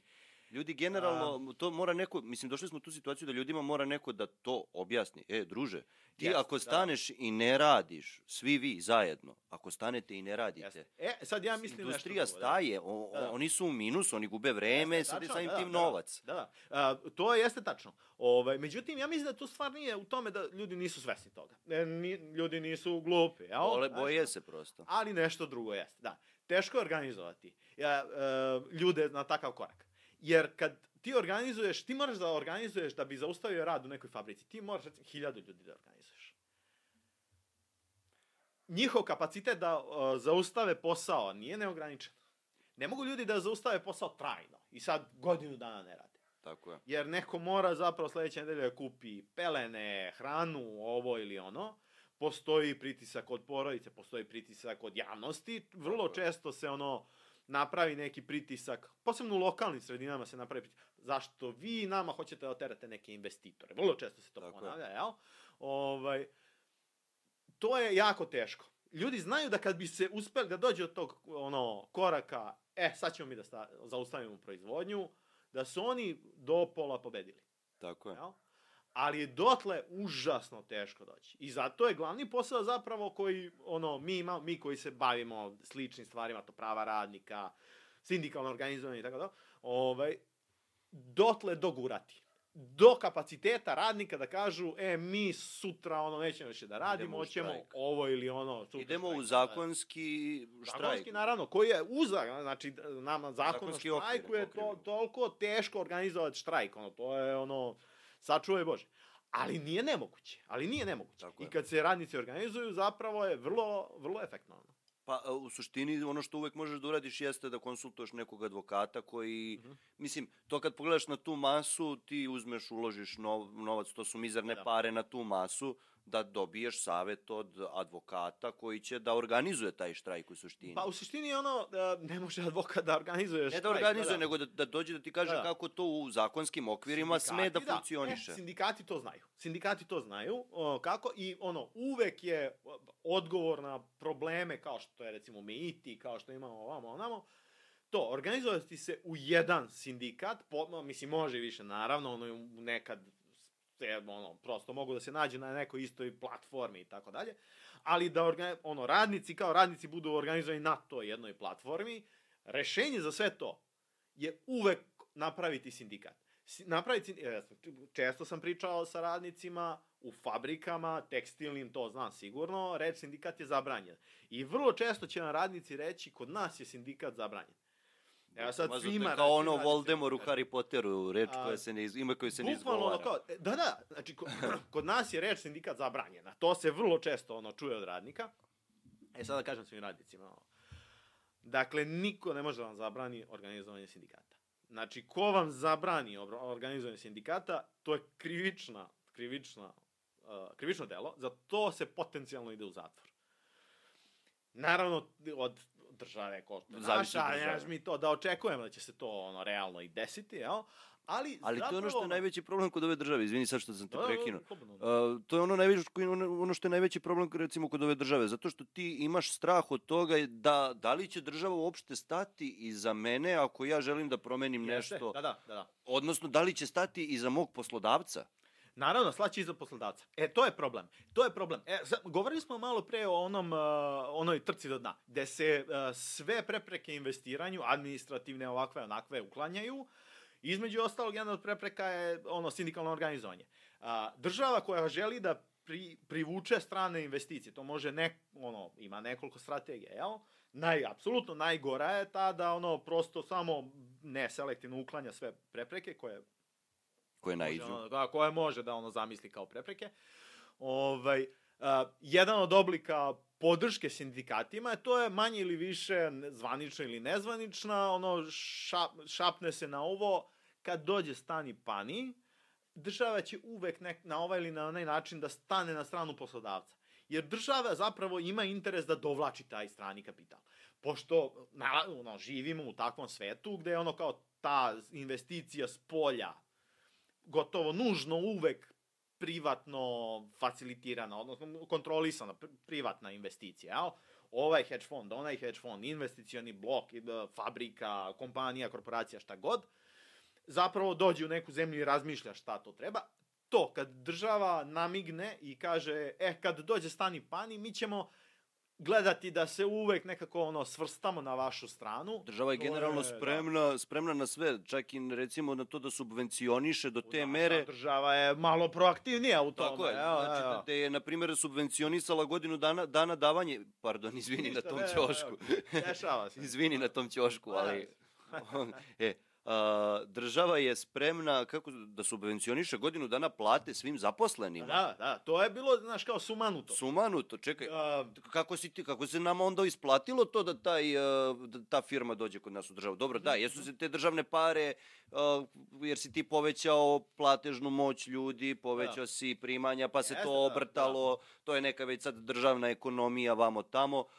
Pa ne treba to izbaciti. Ne treba to izbaciti. stvar koju treba ono kao Tako. razmišljati, da. Jer se to kroz porez obrne par puta, Jeste, pa na kraju da, se te da, sve da, pare vrate da. u državnu kasu, to je okej. Da li se one na kraju komplet vrate, to ne znam. ne znamo. Nisam baš siguran, 100%, ali... Ali se većina a, vrati. Uh, neki deo se vrati, ajde neki deo. Sad, da li se vrate sve, veći deo, manji deo, pola, ne znam ja koliko, to, uh, ne, ne znam. To je stvarno, teško je proceniti te stvari. Tako je, ali ti dovodiš stranog investitora u suštini da bi on tebi doneo, doveo pare iz inostranstva Naravno, u tvoju, da, tvoju To zemlju. je tačno, da, da, to je tačno, da, da. Ali šta smo mi onda uradili sa tim subvencijama? Uh, pa, e, mislim, problem je u tome što uh, mi sad možemo kao da filozofiramo... Takmićimo se ko je jadniji, razumeš, i ko će ponuditi uh, Da. uslove da on želi da ostane A, ovde kod da. nas. Da.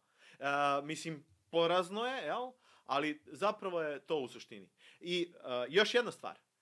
Nije kao da postoji mnogo alternativa tome. Jer zapravo smo, ono, uh, ni- nije stvar samo u nama. Način na koji funkcioniše globalna ekonomija je zapravo uslovio da neki delovi sveta, i to su danas ve, ve, veći deo sveta. Evo, ako se izuzme ono razvijeni taj severozapad, ne znam, Sjedinje američke države, ono, Severna Amerika, Evropa i možda još nešto, jel? Tamo, ne znam, Australija, Novi Zeland, Japan i ne znam ja šta god. Kina kao još jedna, ono, kao zanimljiva, ono... Zanimljiv fenomen. Zanimljiv fenomen, da, da. Ovaj, ali, ono, to, taj razvijeni, jel, tako, svet, ovaj, Evropa i Severna Amerika, ovaj, Gde sam stao? Šta se po... Pa počeli smo pričamo o svetskoj globalnoj E, ekonomiji. da, da, da. Ovaj, o, os- ono, sve ostalo zapravo konstantno mora da učestvuje u toj uh, global, tom globalnoj cirkulaciji kapitala u, upravo tako što će da pojeftini sopstveno stanovništvo da bi ono radilo za eh, ornije radilo za ono Znači, suštini manje ra- pare. radi se o tome, koliko sam ja razumeo, da ti imaš one kojima, uh, da, ko- kojima, ajde da pojednostavimo, novac treba, pa mi ovde ovako radimo. Naravno, da, da. Zato što tim tome, ljudima, da, da. i zato se kod tome, nas... Da, da, da. Stvari u tome da se kap, globalno kapital, ono, u svetu, jel tako, koncentrisao negde.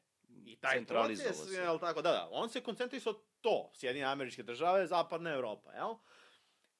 Proces kojim se evo, to koncentrisalo i ne znam, centralizovalo je veoma sporan i sad to, to je druga, to potpuno Sporan, 25. to već ulazimo da, u neku svetsku 200, politiku, 300 da. godina to.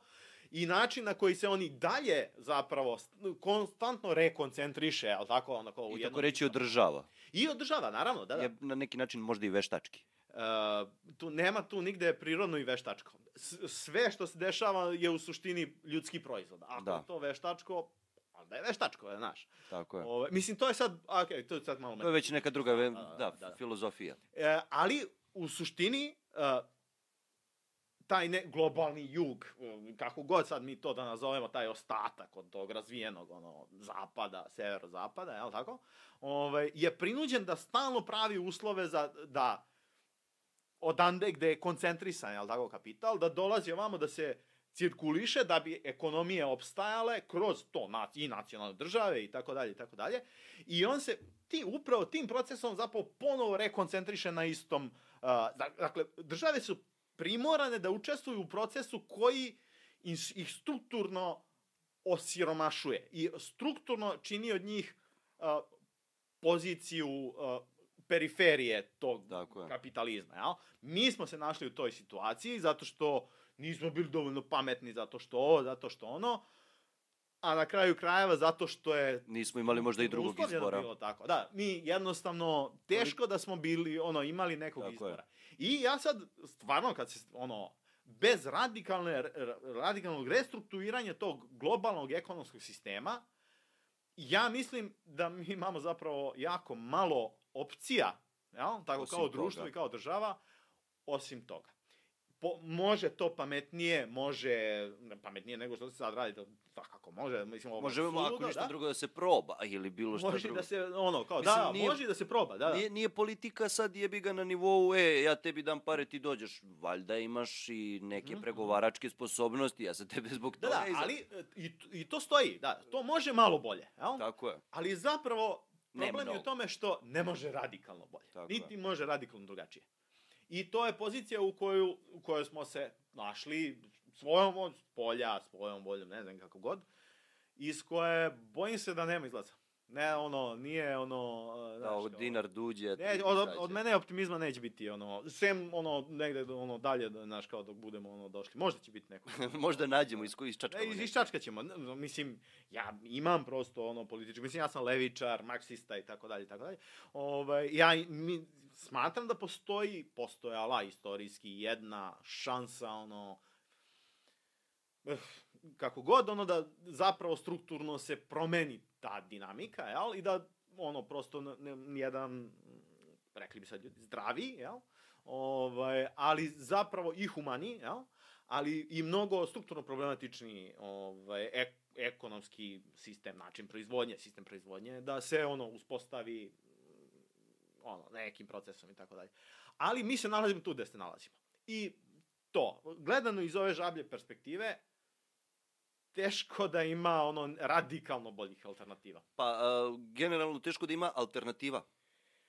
Pa, ok, da, da, da, da. Znaš, ono, tu smo Ako gde smo. ne dođemo do, ono, uh, ne znam, uh, pitanja to, želimo li i kako da radikalno menjamo ceo sistem proizvodnje. Znači, u suštini, ono što bi bio zaključak cele priče, jedina stvar da se nešto promeni jeste da se promeni glo globalna ekonomija. Je, da, da, da. Globalna ekonomija i ta dece, da dođe do te Naravno, decentralizacije moći u celokupnom E, svetu. E, decentralizacije moći i kapitala. I kapitala. Jer to je kapital zapravo je e, onaj koji nosi moć. Moć prat, je prosto pratilac kapitala, jel? Ko ima kapital, novac, mi, mi smo sad rekli novac, ali nije, kapital nije samo moć, on je i nešto drugo, jel tako? To je sredstvo proizvodnje i tako dalje, i tako dalje. Ko je vlasnik kapitala? On je zapravo to, nosilac moći. Međutim, mislim da tu još jedan problem, jel? Nije on samo uh, agensi kapitala, ono, agents, jel? Uh, odnosno, oni koji uh, u uh, uh, politici, u društvu deluju iz pozicije vlasnika kapitala. Ovim ili onim uslovima su to, došli u neku poziciju, jel? I onda oni deluju u skladu sa svojim interesima, jel tako? I ja smatram da postoji pro, radikalni procep ono u, ono u interesima ljudi koji jesu vlasnici kapitala i oni koji nisu, odnosno mi koji smo primorani ono prosto da radimo za život, jel? Mi ne možemo da iznajmljujemo svoj kapital jer ga nemamo. Ovaj i tu postoji jedan procep, jel? I ne, to je nepomirljivo. Ja mislim da nikad neće doći ono do ne ne može da se nađe platforma na kraju koja će ono jednima i drugima do kraja omogućiti da ono svoje interese ono ostvare, a da to ne košta one druge, jel?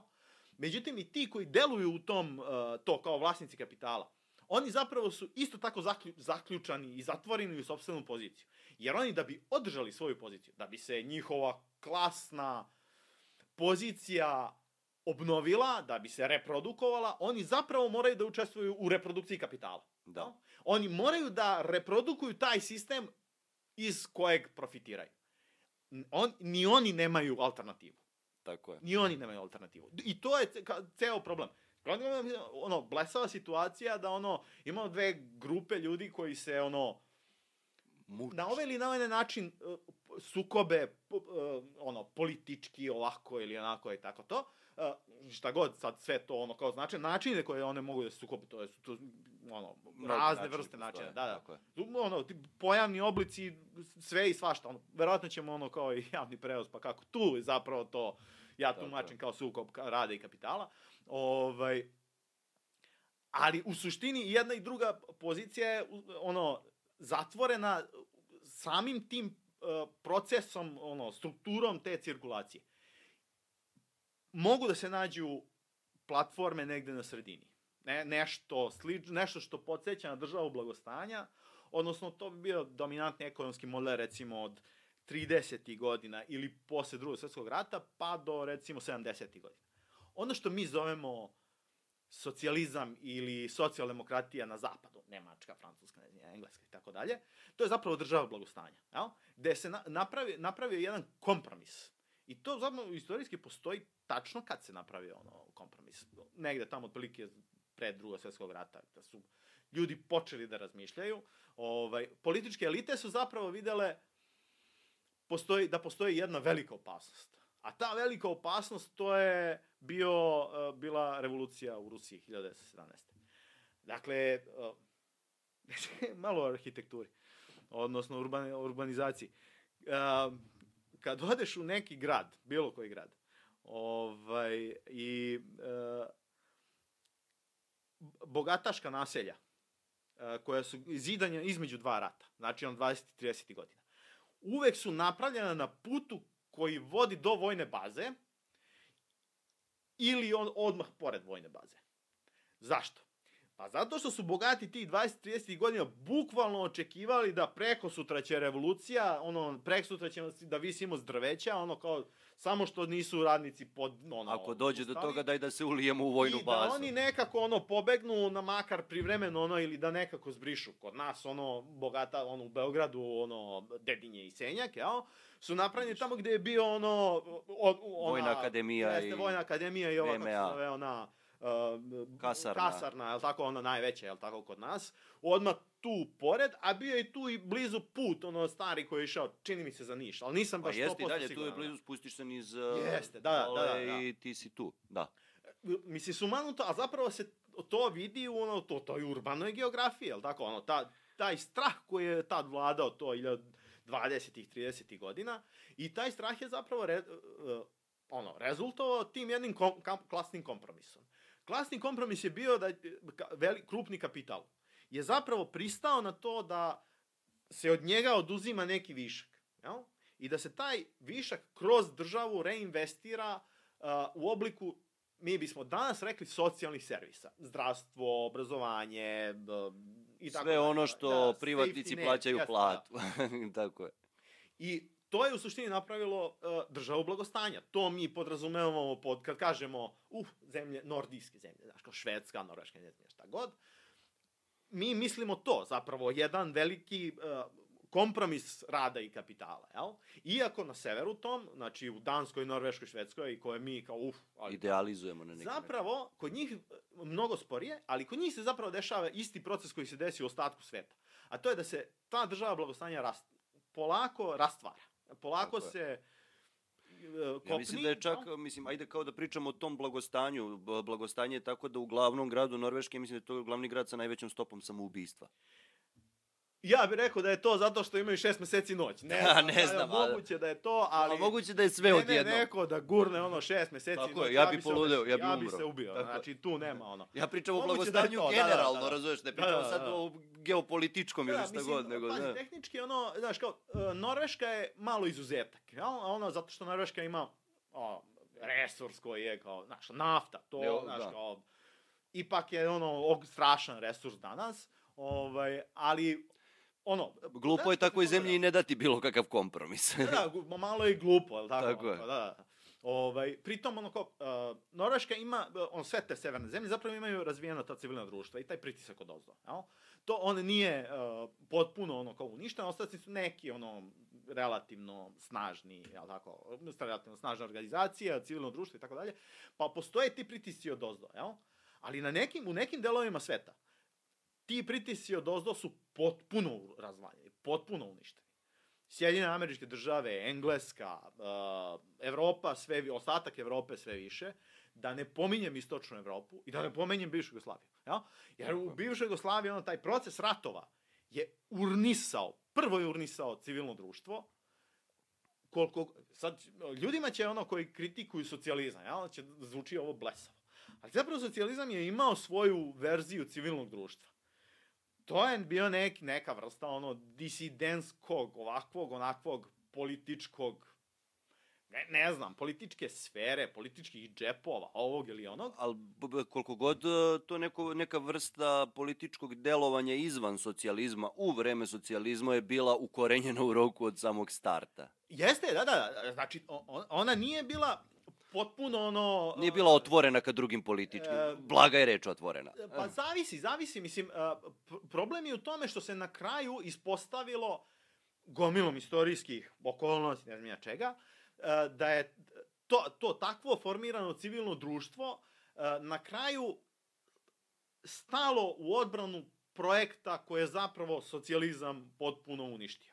Ja sad ono, jed, jedna od stvari na koje mislim, to je nevladin sektor, recimo, 90. godina koji ima svoju istoriju, ono, kao taj, taj sektor je, recimo, uh, svoje korene vuče, recimo, iz uh, tih uh, masovnih pokreta 70. godina. To je, u Hrvatskoj to bio MASPOK, koji je bio, ono, nacionalistički pokret, u suštini, Kod nas taj, taj pokret se zovu, uh, su bili ovi liberali, jel da?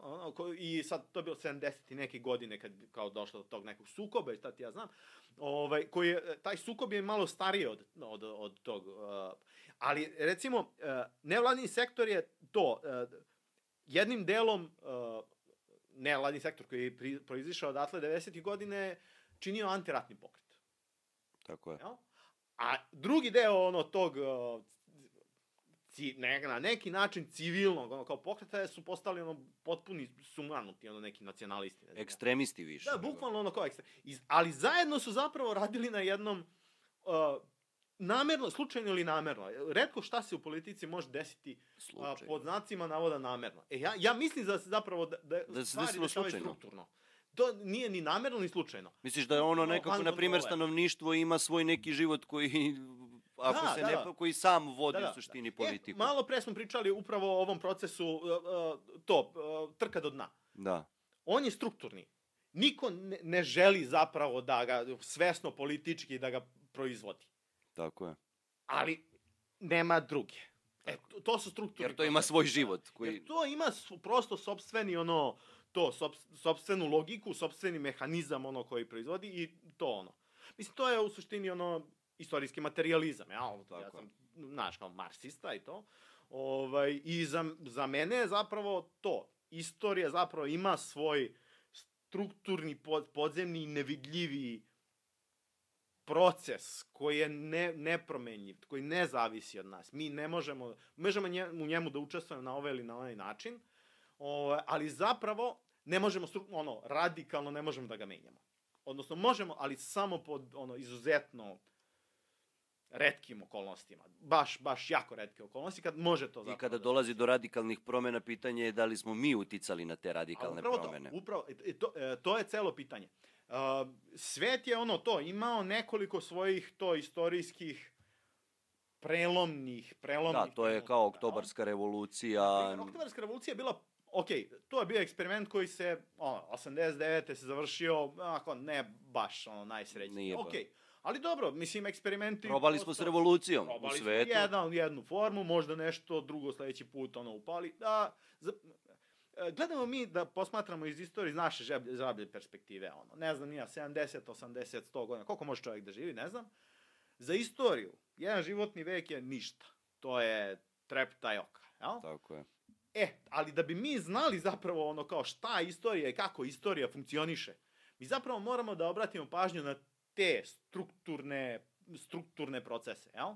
Ja se često svađam sa jednim ovaj, drugarom, sigurno će gledati ovo, ovaj, Pozdravljamo da, ga. da, pozdravljamo ga, Da, da, inače, to je jako važno. To, to, to nisu svađe, to su više a, glasne diskusije. Da, da, glasne diskusije samo mogu da budu nekad jako glasne. Dobro. O, evo šta mi, o, pre, ma ima jedno 5, 6, 7 godina od tada. Ovaj, ja i jedan moj drugar sa kojim se ono, često svađam oko nacionalizma, levice, desnice, o, ono, ne, ne, čega. Ovaj, Ali to je ono što je meni fantastično, svađamo se oko levice i desnice, ali da nema desnice, levica ne bi mogla da postoji. A, A, da nema levice ni je- desnica ne bi mogla da postoji. To je sad posebno pitanje, ali u suštini da, ono može i tako ono da se ovaj Fi- Filosofski da se Da, sagleda. I sad mi sedimo u verovati ili ne, u Znači, stigli smo kod dela u poletu, te se svađali ti i... Ja, da, ovaj, ta, mislim, to je stvarno sumanuta priča. Ovaj, uh, sa nekim drugom sa kojim se svađam ono redovno, oko, on, on je desničar, nacionalista i tako da, i sad ja se često svađam sa njim. Zapravo, ono, nekad tako i pišem tekstove, ono, tema neka, ili koja je tu negde oko teksta, pa se malo posvađam uh, sa njim da uh, testiram moje teze, ja, ono koje iznosim. tekstu. uverenje, da. Ovaj, I onda je to jako zgodno, ali mi se malo svađamo ono na malo bučniji način. I ovaj, jednom smo se tako bučno svađali u poletu, ovaj, u Cetinskoj. Mi, mislim, to je trajalo, ono, stvarno sat vremena, mi smo se dernjali jedan od drugog. Ljudi su okolo, ono, sklanjali se, na kraju je, ono, konobar došao i pitao nas kao, jel možete, molim vas, kao napolju to da rešite, to što ćete se pobijeti. A mi ni, znaš, kao, mislim, redovno to i da li u parkiću, da li u negde, znaš, kao u kafani neko i to, redovno, ono, svađa koja liči, znaš, kao na to. Sad možda je ta bila malo onako bučnija nego inače, možda i nije, ne znam ono tačno. Ali mi se vrlo često ono tako ono svađamo. Da ne kažem prepirete. Um, argumentujemo. E, da, da, da, bučno argumentujemo. Ovaj, da, to je ovaj, ta... Prosto ta gledajte da energija stoji iza svega toga. da, Braniš da. svoje stavove. Ali to jeste ovaj to, to jeste ovaj uh, bitna stvar, znaš kao to imati snage, imati energije da braniš svoje stavove. Ja u principu uh, ljudi imaju pravo da misle sve i svašta. Tako je. Pa I to je ono što ja kažem, ja se možda ne slažem sa nekim delom tvog e, stava i tvojih mišljenja ili recimo marksizma i ovoga, Da, da. ali ti imaš pravo da izneseš svoje mišljenje i to treba da dobije određeni prostor. Da, da, da. da. Razumeš? Da, da, upravo to. A, a, I sad još jedna stvar, ono, kada, ono, kada argumentuješ stvari, zapravo mora da bude ne, ono, ar, ozbiljna argumentacija iza. Tako je. Ono, ozbiljne, ono, čak, ono, šta god, politički stavove sa kojima se ja ne slažem, kad iza njih stoji nešto ozbiljno, imam re- respekt ono, prema njima. Da, da, ono, ne, ono, imaju izvesnu težinu ako su utemeljeni. Ako nisu, to je onda potpuno, onda su za mene potpuno prazni. I Tako je. to sad ja tako... To je mišljenje radi mišljenja, a Mišljenje mišljenje radi- je kao dupe, svako često- može da ga ima. Da, tako da. A neko, znaš, kao mišljenje, često mišljenje se prosto formira uh, u opštim mestima. Ja, ono, mediji su baš ono stručnjaci ono za te stvari. E, to je, d- opšta mesta su i, Naravno, do, da, da, doveli da. do te okolnosti gde smo mi sada trenutno. Upravo to. Između ostalog zapravo se reprodukuje Pa na kraju krajeva i politička situacija, taj okvir koji mi sad ono, kao, s kojim kuburimo, imamo posle, ne znam ja šta god, upravo uz pomoć... Izvini sad što Aha. ću da te prekinem, ali ja sam baš sad pričao sa jednom mladom aktivistkinjom koju ću ugostiti u budućim podcastima. To sam mi baš nekako izneo, to je nedostatak transparentnosti u trenutnoj političkoj, e, da trenutnoj političkoj sceni, koja se koristi, koja se zamaskira tim opštim mestima. Tako da su ljudi apsolutno neinformisanosti, i neinformisani. Jer ti sa tim nedostatkom transparentnosti uh, dobijaš to da mi ne znamo šta se trenutno na sceni dešava. To ti je ono banalan primer, uh, Vučić odlazi kod Trumpa da potpiše ugovor. Šta je on to potpisao? Ja nemam pojma. Ide još dublje od Ide toga. i dalje Ide od dublje svega od toga toga. i to po- Ali, potresno dublje. ali ono. to ide na nivou ne sad kao globalno političkom Naravno, i da, spoljno da, političkom da. nivou, to ide na ono uh, palanačkom nivou, na nivou obrenovačke zajednice. Jeste, jeste, da, da. To je neka, kao neka vrsta, ono, ono, pornografije u suštini, ono, pornografija je banalno ogoljavanje, znaš, kao stvari. Nama, ono, globalno, ne samo kod nas, ono, politika sa jedne strane, ono, postaje to, ko pornografija, neka vrsta, mi sve znamo, trače, to ide, ono, u besmislene, ono, stvari, je. ko je šta rekao, jel negde neko, ono, napravi ne, neki lapsus i ne znam ja šta nije, ko s kim ovo, ono, to nekako na neki način postaje transparentnije, politički postaju javne ličnosti, jel? Ali sa druge strane neke bitnije... Se maskira. Da, nešto se maskira ono time, znaš. Tako je. Ova, I ja se bojim da se ono maskira oko tih strukturnih stvari. Ja? Mnogo bitnije stvari se zapravo maskiraju one efemerne, ono, ko, s kim, šta god, kako, ono, to zapravo postaje predmet politike, iako ja mislim da to zapravo ne bi trebalo. Ono. Tako Jedna je. od tih stvari koja, ono, ali nećemo to sad, to ćemo malo kasnije, ja pretpostavljam korupciju. Zašto ja mislim Tako da je. je korupcija potpuno pogrešna, ono, stvar kao politička tema i to. Ovaj, ali e, sad sam baš ne, jedan primjer koji ja često volim da, da navodim od toga, o, baš o tome ka, kako mediji ono znaju da formatiraju i formiraju naše mišljenje za koje mi mislimo da je izuzetno intimno, naše. Mi, ja, samo ja znam, nemam znaš. Ovaj, kad, često se ono, barem e, donekle, ono, sećam se, ono, vrlo često bilo u medijima, e, izveštavaju lju, e, mediji u koje institucije e, stanovništvo ima najviše poverenje. I uvek se vrte tri institucije, crkva, policija i vojska. A- Intimno, svi znaju da ono, policiji niko, niko niko, ne ver- ne niko veruje. živ, ne, Tako. niko, ono, svi znaju na šta možda liči ono kao policija. Čast izuzecima, baj, izuzetnim izuzecima, koji, Redkim izuzecima. ali redkim izuzecima, I oni su uglavnom tu uvek da bi potvrdili pravilo. često i, često i to, da, okej, da, da, postoji to. Ali meni je to zanimljivo. Okej, policija. Ljudi zapravo, ono, ne podnose baš previše ni popove, jel tako? Pa, ajde da Svi kažem. znaju ono, znaš, kao pričaš sa ljudima, svi će da ti prokomentarišu ono to. Svi znaju ko šta da, pop vozi. Naravno, sve to znaš Upućeni su u njihove ljubavne Ali- živote više nego oni sam sami. poprilično siguran da ti mediji koji izlaze sa tim rezultatima istraživanja javnog mijenja, o, 90% ljudi veruje policiji, crkvi, ne znam ja čemu, Su to napisali da bi se pravile određene vrste Ne. teorija zavere. Ja mislim da ne. Lj- Ljudi su zapravo uh, sumanuto, oni ne lažiraju ta istraživanja javnog mnjenja. Ali zamisli kako se neko osjeća i kad ti odjednom na, način na koji se vrše taj istraživanje. Zovete neko telefonom u boljem slučaju, u gorem slučaju bupnete neko na sred ulici i gurnete kameru, kameru u facu. Ili mikrofon I pod kaže, da, da, i kaže, kome najviše veruješ? I ti ono, u onom stresu, u onom, nemam pojma čemu, je, znaš, kao, šta da, znaš, kao odgovoriš, mozak vrlo verovatno prazan, ono, ko poljana je.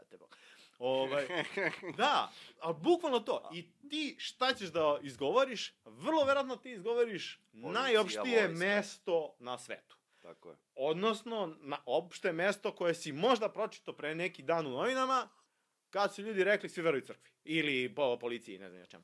I ti zapravo samo citiraš Tuđe opšte mišljenje. tu neko drugo, a drugo, ne, ne, ne, nije čak ni nečije drugo mišljenje, nego ne, neko mišljenje koje postoji, a da ga možda niko i nema, jel tako? Ovaj, ti ga citiraš zato što, eto tako, nemaš šta pametnije da kažeš. A kao baš te uhvatilo Baš da ne ispadneš ova, glup. Baš da ne ispadne, ne, ne, već tamo, nemam pojma ili tako nešto. I onda bupneš opšte mesto, jel? I onda se oko tih opštih mesta zapravo vrlo često nekako i plete politika, jel? I tako bi funkcionišano tako. I to, to je potpuno ono kao sumanuto. Ovaj, I sad, znaš, kao, i kad dođemo ono kao do tih opštih mesta, i- kad, znaš, kao ono, prosto se bavimo, znaš, kao ono, situacijom u kojom se, kojoj se nalazimo politički, ekonomski, ovako, onako, užasno je teško, užasno teško, zapravo raščivijati te opšte stvari, od možda nekih promućurnijih, a, pametnijih, a, strukturisanijih načina na koje mi promišljamo stvarnost. Ja sam poprilično siguran da ljudi nisu glupi, generalno nisu glupi. Pa to je najveći problem što se kod nas e, ljudi generalno e, javnost, da ne kažem u nekim situacijama javno mnjenje poprilično podcenjuje. Naravno, pocenju, u, da, da, da, da, da. Pa to, e, to i ti imaš verovatno to iskustvo, sa, znaš, kao sa pisanjem ono, tekstova. Ja sam imao u jednom listu sam, ono, ovaj, e, pisao, aj sad, nećemo da pominjemo koji je, ono, ali baš je baš profilisan, ono, jedan od na, najprofilisanijih, onaj, D profilisani list. Ovaj, dnevni, e, ja sam par godina sam pisao ovaj, tekstove i e, urednik koji jedini razlog zbog koji sam ja uspeo da pišem, ono tamo je zato što sam se svideo tom uredniku. On je tad bio ono pe, penziju nekoliko meseci.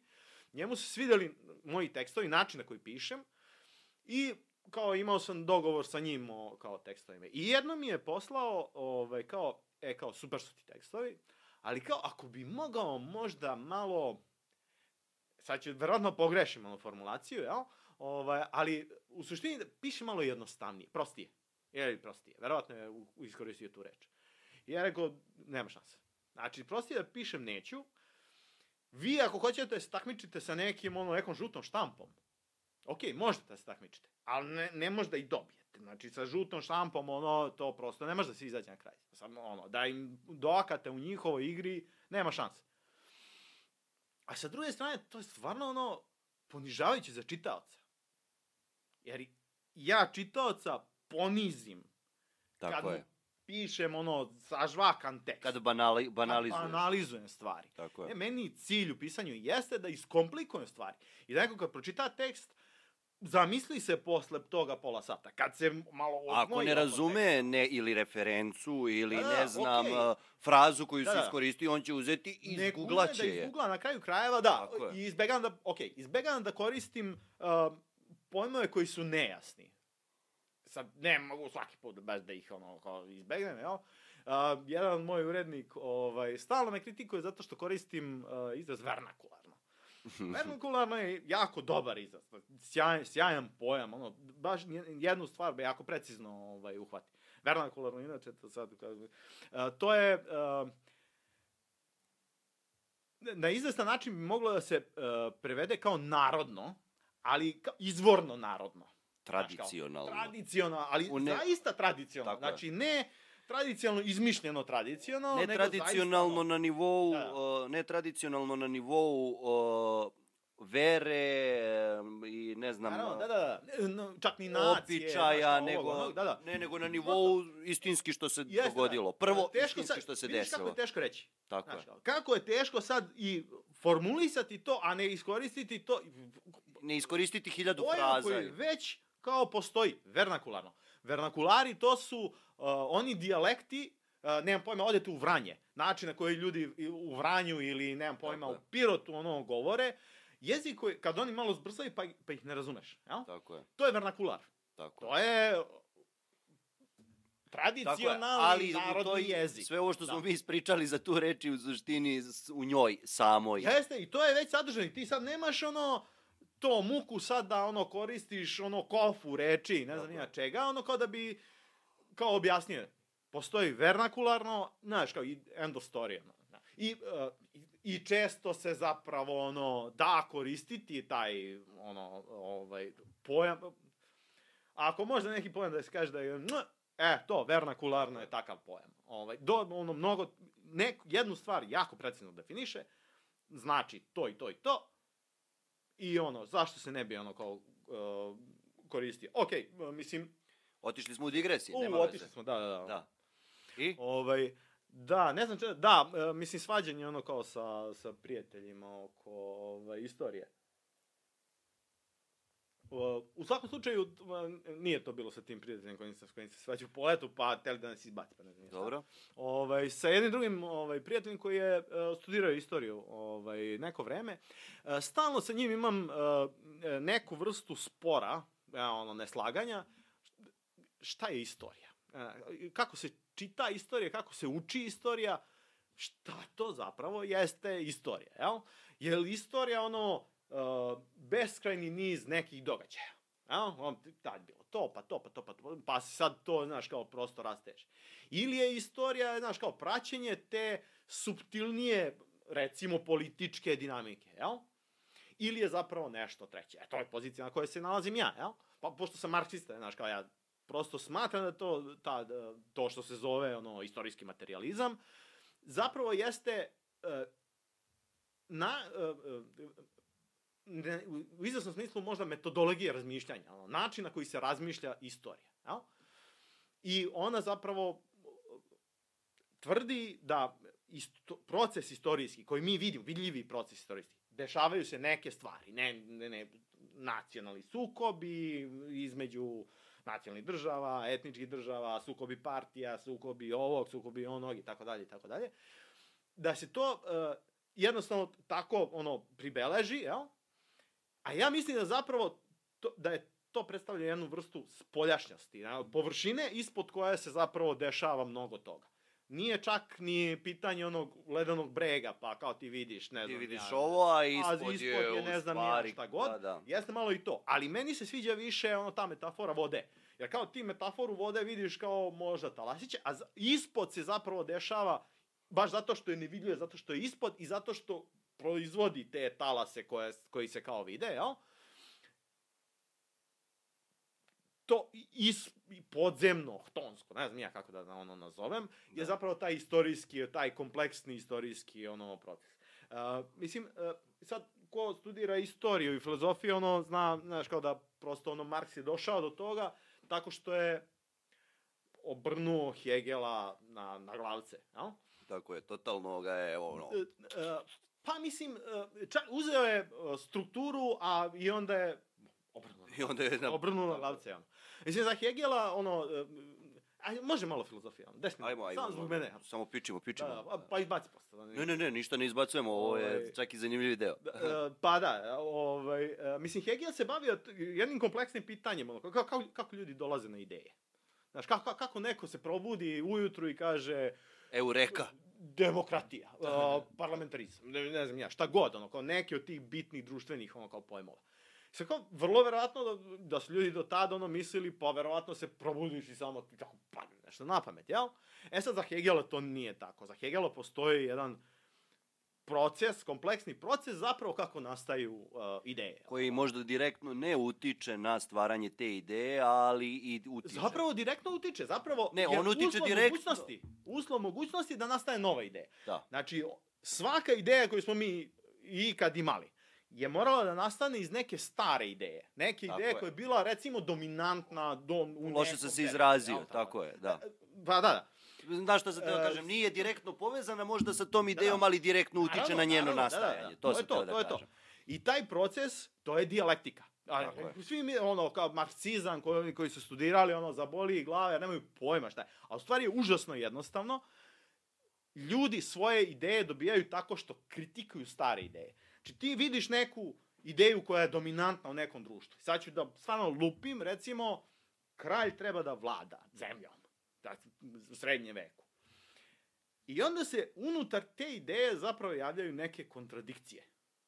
Tako je. Jer sad ću da opet lupim, ja, šta ako se rodi neki kralj koji je, ono, lud, on poremećen, ono, pore, pomerio pamet. Ili totalno nesposoban. Hvala da. Bogu i bilo ih. Oni Tako neki je. tamo španski Filip, bud bog s nama, ili oni engleski, oni Nemci prvi, to ono, grli drveće. Po- Pa i rimsko to carstvo je palo zbog uh, niza, ludaka, to- niza da, da, nesposobnih da. cara- careva koji su se javljali na kraju. Oni što su imali ludaka, ono to... to Da. je, Sad je bilo pre neki dan, ono, pre nekoliko nedelja je bio popularan onaj mim, internet, ono, fora, ona kad devojke pitaju svoje momke koliko puta dnevno misliš na Rim, Rimsku imperiju, na Rimsko carstvo. Ti svi, naravno, muškarci misle svakodnevno, barem jednom, neko čak i dva, tri, četiri, pet puta. Eto, fora. Ovaj, uh, I, da, znači imaš neku ideju koja je dominantna, recimo to, kralj treba da vlada. I onda nalaziš uh, vremenom prosto se javljaju neke kontradikcije unutar te ideje. To, a, sad, rekao smo, znaš, kao šta ako je lud, šta ako je pomerio pameće, šta ako ovo, šta ako ono. A onda se javljaju subtilnije ideje. Šta to zapravo znači vladati? Jel to znači kontrolisati sve? Jel to znači vladati u nečijem interesu? A u čijem onda interesu? I iz kritike te ideje, to nova. pronalađe, pronalaženja kontradikcija unutar nje, u nekom trenutku ona, ajde recimo tako da kažem, promeni valencu. tako je. Samo se radikalno uvrne E, sama u sebe. Tako je, zato, zato imamo i tu taj fenomen u istoriji da nikada nije posle određenog e, perioda dolazilo nešto suptilno slično, nego je dolazilo radikalno Moralo je- drugačije. Moralo je da dođe do radikalnih... Uvek je iz da, da, nekog, to, e, da, rad, da, da. iz nekog recimo radikalnog, Da, da, da, e, ne znam, Robovlasničko. robovlasničko dolazilo ili ekstremno ribe, liberalno. Jeste, ono, iz feudalizma... Zato su i neke kulturološke stvari jeste. doživljavali svoju renesansu ili Jeste, tako. jeste, da, da, da. E, I sad, uh, Marks zapravo uzima tu ideju dijalektike, uh, to, stvari se rađaju stvari stvari, jel?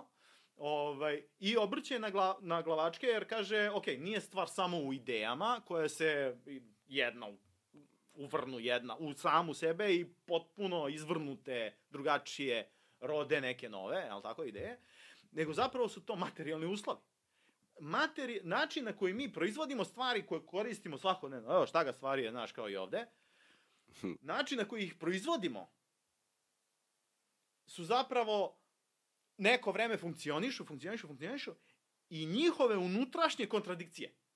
Iznutra se javljaju kontradikcije koje ne mogu unutar tog sistema da se razreše. I onda toliko nateknu, toliko narastu, da zapravo ceo sistem sam od sebe mora da se promeni. Da se uvrne, uvrne, izvrne, ne znam ni ja kako Da, to tako da reći, kaže, da. obgrli tu proizvod. I da rodi Tako nešto je. radikalno novo. I ono, istoriji smo mi Što će imali podržati nekoliko, tu vrstu, recimo, kako, ne, tu vrstu proizvodnje ili šta god. Okay. Način na koji proizvodimo, dakle, način na koji organizujemo proizvodnju stvari. E, Pričali smo malo pre ono o modnoj industriji. Znaš, modna industrija je to, jedna velika kapitalistička industrija. Tako je. Ona funkcioniše u, ono, u jednom načinu, načinu proizvodnje. Neko je plaćen malo da bi proizvodio mnogo. Ako on ne radi, nema ovamo ni brenda ništa, sve je ono otišlo ono dođe vola. Ali to je sve, uslov da bi sve to imalo smisla jeste da dođe do tog, te, ajde da kažemo, kapitalizma i do tog konzumerističkog principa u društvu. Pa pazi, uh, Onda je moralo se da, da. dogodi neoliberalizam i Jeste, tako da, dalje da. i tako dalje. ceo taj, uh, svi ti procesi koje mi tumačimo, ne znam ja, recimo ta ono, uh, hiperkonzumerizam, pa ne znam ja, neoliberalizam kao jedan od političkih oblika um, Kapitalizma. kapitalizma, ne, znaš, kao, ka, teško je sad to ono kao i verbalizovati, ono, a ne dobro, to, to će, ve, da, dozvolit ćemo istoriji da to Da, verbalizuje da, da. bolje nego mi sami. Tačno tako, da, da. Su zapravo procesi u kojima ti te unutrašnje uh, kontradikcije privremeno peglaš. Jel? Uh, malo pre smo ono pričali o tome, o državi blagostanja. Država blagostanja nastaje da bi izlečila neke strukturne kontradikcije koje postoje. Dakle, Da bi radnici ubila su- neku vrstu nezadovoljstva, recimo, jeste kod da bi ljudi. ispeglala nešto privremeno, upeglala, pasivizovala, uh, Zato i nije čudo što se to javilo recimo u Nemačkoj koja je imala ekstremno nezadovoljstvo posle drugog svetskog rata gde im je oduzeto maltene sve i gde je došlo... Nemačka je zbog nečeg drugog. Nemačka je zbog nečeg drugog imala svoje ono, uh, industrijsko čudo. Zbog čega? Ovaj, uh, pa u, u Nemačkoj je letala uh, jako ve, velik novac, ono, prvenstveno iz Sjedinih američkih država. Posle drugog svjetskog rata. Posle Drugog svjetskog rata. A da. dobro, to je zbog Amerike. Odnosno, zbog Amerike i odnosa sa Rusijom. Jeste, jer a, to, posebno zapadna Nemačka je trebalo malo da funkcioniši kao izlog prema istoku, kao vidite kako je, znaš, kao Da. ako onako. Ovaj, I sa druge strane, Nemačka je zaista morala da bude, ono, jer je potencijalno bila prva koja će, ono, da nastrada ako, ne znam, nije, ono, Sovjetski savez, istočni blok, ono, Da. prekipim, pa kao krenu, ne znam, ja da osvoje ostatak Evrope i šta ti ja znam. E, zapravo je mnogo bolja, e, bolji primer između dva rata. Jer zapravo između dva rata je došlo do sukoba te, ta dva načina na koji se peglaju te kontradikcije. I to je bio sukob e, sa jedne strane fašizacije društva, a sa druge strane e, ne, neke vrste države, države blagostanja, jel? E, na, na stranu sad sukob što je sukob fašizma i real socijalizma, na stranu sad to. Jel? Da, da. Posebna ono kao priča. Ovaj, ali uh, između dva svetska rata je, su postojali isti, uh, isti set problema, jel? To, malo pre smo rekli, svi očekuju sutra će radnici da ono, dignu kuku i motiku i vejsimo sa drveća, jel? Šta da uradimo ono povodom toga? Jedan oblik je ova država blagostanja, to je, ok, ajde, potkupit ćemo ih malo, da imaće ono svoje besplatne servise, ne znam, zdravstvo, obrazovanje i tako dalje i tako dalje.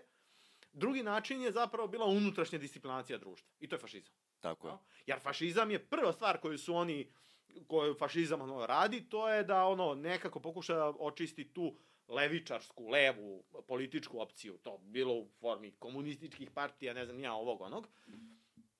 I sa druge strane da ono, ipak ono kao nekako Se iskontroliše. iskontroliše da, da, radničku klasu koja to samo što nije eksplodirala. Ali kako- I- ili svi očekuju Ali da kako, samo što nije. kako je kontrolisati uh, radničku klasu koja je vidno nezadovoljna, pa određenom vrstom agende i manipulacije i Da, sa, da, naravno, naravno. sa time što ćeš Gomila ti... stvari je tu bila Tako manipulacija, da, da, da.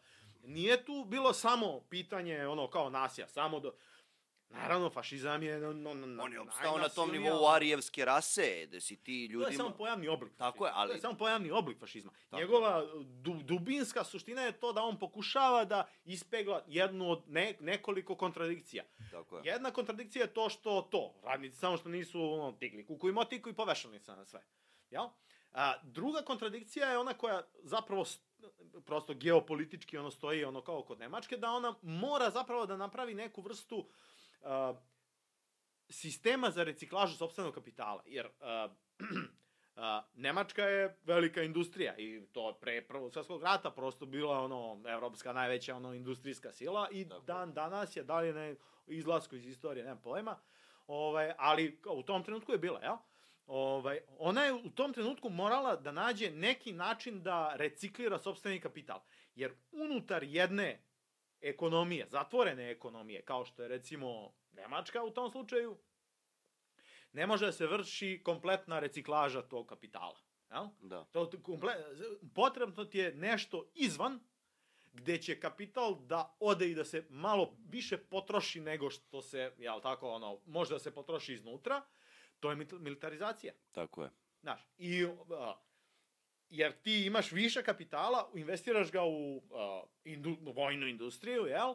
I moraš negde da je iskoristiš. Iskoristiš je tako što, potencijalno uhvatiš drang na hvoste, jel? Da pokušaš, znaš, kao da osvojiš neki istok i da tu imaš neku vrstu kolonijalne uprave, ne znam šta god, znaš, kao to, ono, kao značilo i to.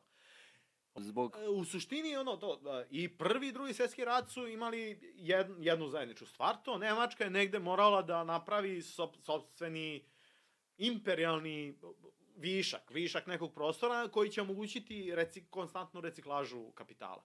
Unutrašnja uh, politika koja je rezultovala je bila fašizacija društva, to da se iznutra politički otpor uh, skrši opasni politički otpor. Ne bilo koji. Znači, komunistička partija, je. Nemačkoj, koja je ono, kao u tom trenutku bila izuzetno jaka, 20 i 30 To je recimo godina. dosta dobro Bjelogrlić odradio u svom filmu, u- odnosno u seriji Senke nad Balkanom. Joj, nisam gledao tu seriju. Nisi gledao? Nisam gledao. U suštini on je predstavio kompletno tu unutrašnje društvo koji su se zvali Jeste, Tuli, da, da. a, koje je radilo na fašizaciji kompletnog stanovništva tako što je išlo po svetu i ubi- ubijalo komunističku revoluciju. Možda bi bilo zanimljivo da gledam tu seriju, bog. Dobre, pogledaj, pogledaj. E, mislim, ja, ono, nemam nešto običaj da gledam serije. Ovaj, imam utisak da, ono, serija može da se zbuđa i u film. I da, kao, ne potroši me, znaš, ono, kao, ne znam, dve sezone po 10, ne znam ja koliko. I kao da me ne košta toliko vremena da gledam, ono, 20 sati. Nego može da se, ono, su, Sažme. sažme negde, znaš, kao sabiju jedan film. I nekako imam stalno, znaš, kao taj otpor da mnogo tro, vremena potrošim, znaš, Dobro, ja da sam osoba seriju. filmska osoba, osoba Da, da, koja gleda je filmove. D format, znaš. Tako je. Ovaj, Jer treba formatirati nešto što možeš ti da razglabaš Da, da, da. u dva, tri... Ja, to, to je ono, gledao sam Breaking Bad, pa Breaking Bad sam mogao da odgledam, to je fenomenalna serija, glumački odlično odrađena, bla, bla, bla. Ali to je da, da se iseče na, moglo da bude i film. Vrlo lako. Naravno, da. Od tri sata, Da, da, da. tri sata, sediš Da, tri da. sata i gledaš Da, film. da, da. Ali, ne znam sad, znaš, kao pisao sam i tekst, znaš, kao onoj seriji, to- je jedna od retkih serija koje sam ja skupio živice da odgledam. Ono, Černobil, koja je inače, ono, meni se, ono, po samom kvalitetu snimanja izuzetna, ali je politički bilo malo nezgodna, jel? diskutabilno. Ove, da, disku, pa to, znaš, kao, gom, gomilu stvari sam ja tu pronašao koje zapravo... To je ono ovaj, što je veliki problem. kontradi- nije kontradiktorna, nego politički malo i usmerena, znaš. I onda na osnovu tog usmerenja Kratak koje... je vremenski period, uh, mislim, mi pričamo o nečemu što se desilo pre 40-50 Pa, godina. 37. Eto. 37. To je, ja, 36, 7, 8, ne to je jako kratak vremenski period, mislim da, da bi trebalo da bude veća vremenska distanca bi bilo objektiva, ob, Pa mislim, objektivno. uh, sad zavisi, znaš, kao... Zavisi kako ti da, da, pristupaš da. tome, Naravno, da li je da, da, subjektivan da, da. ili objektivan Mislim, mi, pristup. znaš, kao, tehnički zna se šta se desilo, kako, tamo, vamo, znaš, kao što se toga tiče, okej. Ali šta se ja desilo mislim posle? da je jedna ono stvar koju je zapravo taj uh, Černobil pokušao, serija Černobil pokušao da svesno ili ne. E sad tu ponovo se malo vraćamo na ovo, znaš, kao politika, da li, se, da li je to nešto što činimo ili nešto što se dešava mimo, Mimo naše volje, jel? tako je, da. Znaš kao, ja ne znam stvarno da li je to uh, svesno taj, u- ono, tim koji je pravio seriju, pravi scenariju, režirao, ne znam ja šta je radio, znaš, da su to radili svesno ili im se, ili je Ili to se ne prosto nametnulo. Da, ili to, to, to prosto nametnulo. I su se pozvali na ona opšta mesta koja smo, pa je onda ispalo to tako. Tako. Ja mislim da je ta, centralna poruka tog, uh, te serije u stvari da je uh, nuklearna energija zapravo opasno igranje prirodom i prirodnim ordnungom, prirodnim redom, kao što je i socijalizam opasno igranje nekim prirodnim ordnungom. Jel? Danas se ono kapitalista, kapitali, na ideološkom nivou kapitalizam se brani time da je on zapravo prirodni poredak. Da I- mi ne kad je možemo biti prirodni, jednaki jer mi da, nismo jer rođeni nismo, jednaki. neki treba da imaju više, neki ne treba da imaju više. To i je stvar dalje, i izbora, ako I ti... između ostalog, da, i stvar izbora i tako dalje i tako dalje. Ali glavna stvar iza toga jeste da tebi socijalna, klasna pozicija zapravo jeste refleksija ne strukturne pozicije imanje, nemanja kapitala, nego je zapravo refleksija tvog prirodnog položaja. A kad kažeš da je nešto prirodno, kako možeš protiv toga da se boriš? Kako da artikulišeš otpor tome? To je užasno teško. I svi će naravno prvo da te gledaju kao budalu, kao šta ti protiv prirode imaš, i sve što ide sad, znaš, kao uz to. I to je jedan od načina na koji se ono, to, danas taj globalni sistem koji, evo, sad ga provlačimo kroz sve živo, jel? Na, koji se na ideološkom nivou, na dubinskom ideološkom nivou brani, jel? Da. To, priroda je stvarno nema, znaš, kao ništa, ne može Kako da se ti ima, da može argumentuješ da ima nešto protiv, protiv prirode, znaš, tako je. Znaš šta, sumano to zvuči i da kažeš, jel? Ali I- ti kad pogledaš sve što mi, što, što spada pod ljudsko delovanje, ide suprotno od prirode. Kad pogledaš A na mislim, neki stvarno način. je ono potpuno blesavo, znaš, kao Do- od ekonomskog sistema koji efektivno, evo, uspešno uspeva ono da nam pregazi planetu i da je u propasti ono kao prirodu, što kao nije se baš desilo, znaš, kao nikad do sad da govori o prirodi. Mislim, znaš, da je uzima kao da, neki... ali mi kao uzimamo to u obzir kao uništit ćemo mi prirodu. Pa pazi, ta priroda će postojati posle nas. Samo Naravno, je pitanje tako, da li ćemo mi to ispratiti, da, da, li ćemo mi moći. biti tu, znaš, Tako je. to je ono ogromno pitanje. Mislim, Ko će biti to- dovoljno sposoban da kao evoluira po I zacima šta navoda. će, znaš, kao na kraju ostati ono kao iza nas. Mislim, ja ne znam, stvarno, ono, nisam sad neki stručnjak, znaš, kao za to, ono, kao, Nisam ja, ovo sam rekao ono poprilično laički, ali... Za ekološku katastrofu svakako ne znam, znaš, kao, ali ono, šta? Mislim da ljudi slušam? koji se bave time ne laički isto takođe ne znaju šta će da se desi. Uh, ali, to nepredvidiva ali su, pojava. Ono, ako sam ja u pravu, ono, mislim, ne ako sam ja u pravu, ako si u pravu, prosto ono, kao, stvari koje ja čitam, koje sam ispratio, svi se slažu da to nešto u budućnosti nije baš najlepše. Da su pesimisti. Ono. Da, da, prosto, ono, taj proces izgleda došao do tačke koje nije baš verovatno da će, da može da se, ono, obrne unazad, niti da se zaustavi. Tako da, ono, nisam, znaš, kao, nisam optimista što se, znaš, kao toga tiče. Ovaj, I opet, znaš, kao, opet imamo posla, ono, kao sa političko-ekonomskim sistemom koji je prosto došao do jednog, da mora jednostavno, da, da bi opstao, da bi na, nastavio da funkcioniše, mora mnogo toga da se žrtvuje. Jel? Da. Na kraju mi u procesu smo žrtvovanja planete, čitave jedne planete, da bi ekonomija takva kakva jeste i sa njom hijerarhijski odnosi, jer ekonomija se dešava da bi održali se neki hijerarhijski odnosi, a hijerarhijski odnosi se održavaju da bi se održao određen tip kao yin i yang. Jedan Uzročno drugi reprodukuju, jel? Tako je. Ovaj, Jedno bez drugog ne može. Da, jedno bez drugog jednostavno ne može. I te, ta dva procesa su ono nužno jedan drugom uslov mogućnosti, jel? Ovaj, gde smo kod ekologije? Da, da, ono, u procesu smo da žrtvujemo, jel tako, planetu, ono, životnu sredinu, i boga mi smo ono kao možda čak i ono u procesu da žrtvujemo celokupno društvo. Ne znam, ne znaš kao šta će da se ono kao na šta će ono da liči, ali evo, mislim imamo sad kao taj rat u Ukrajini traje koliko traje, ono zvecka se ono atomskim bombama i ne znam ja šta. Uh, Izrael sad ono kao u Gazi, u nekom trenutku je to baš baš pretilo ono da ispadne e, ogroman regionalni sukob, a što je baš nezgodno jer ono Izrael ima nuklearno naoružanje.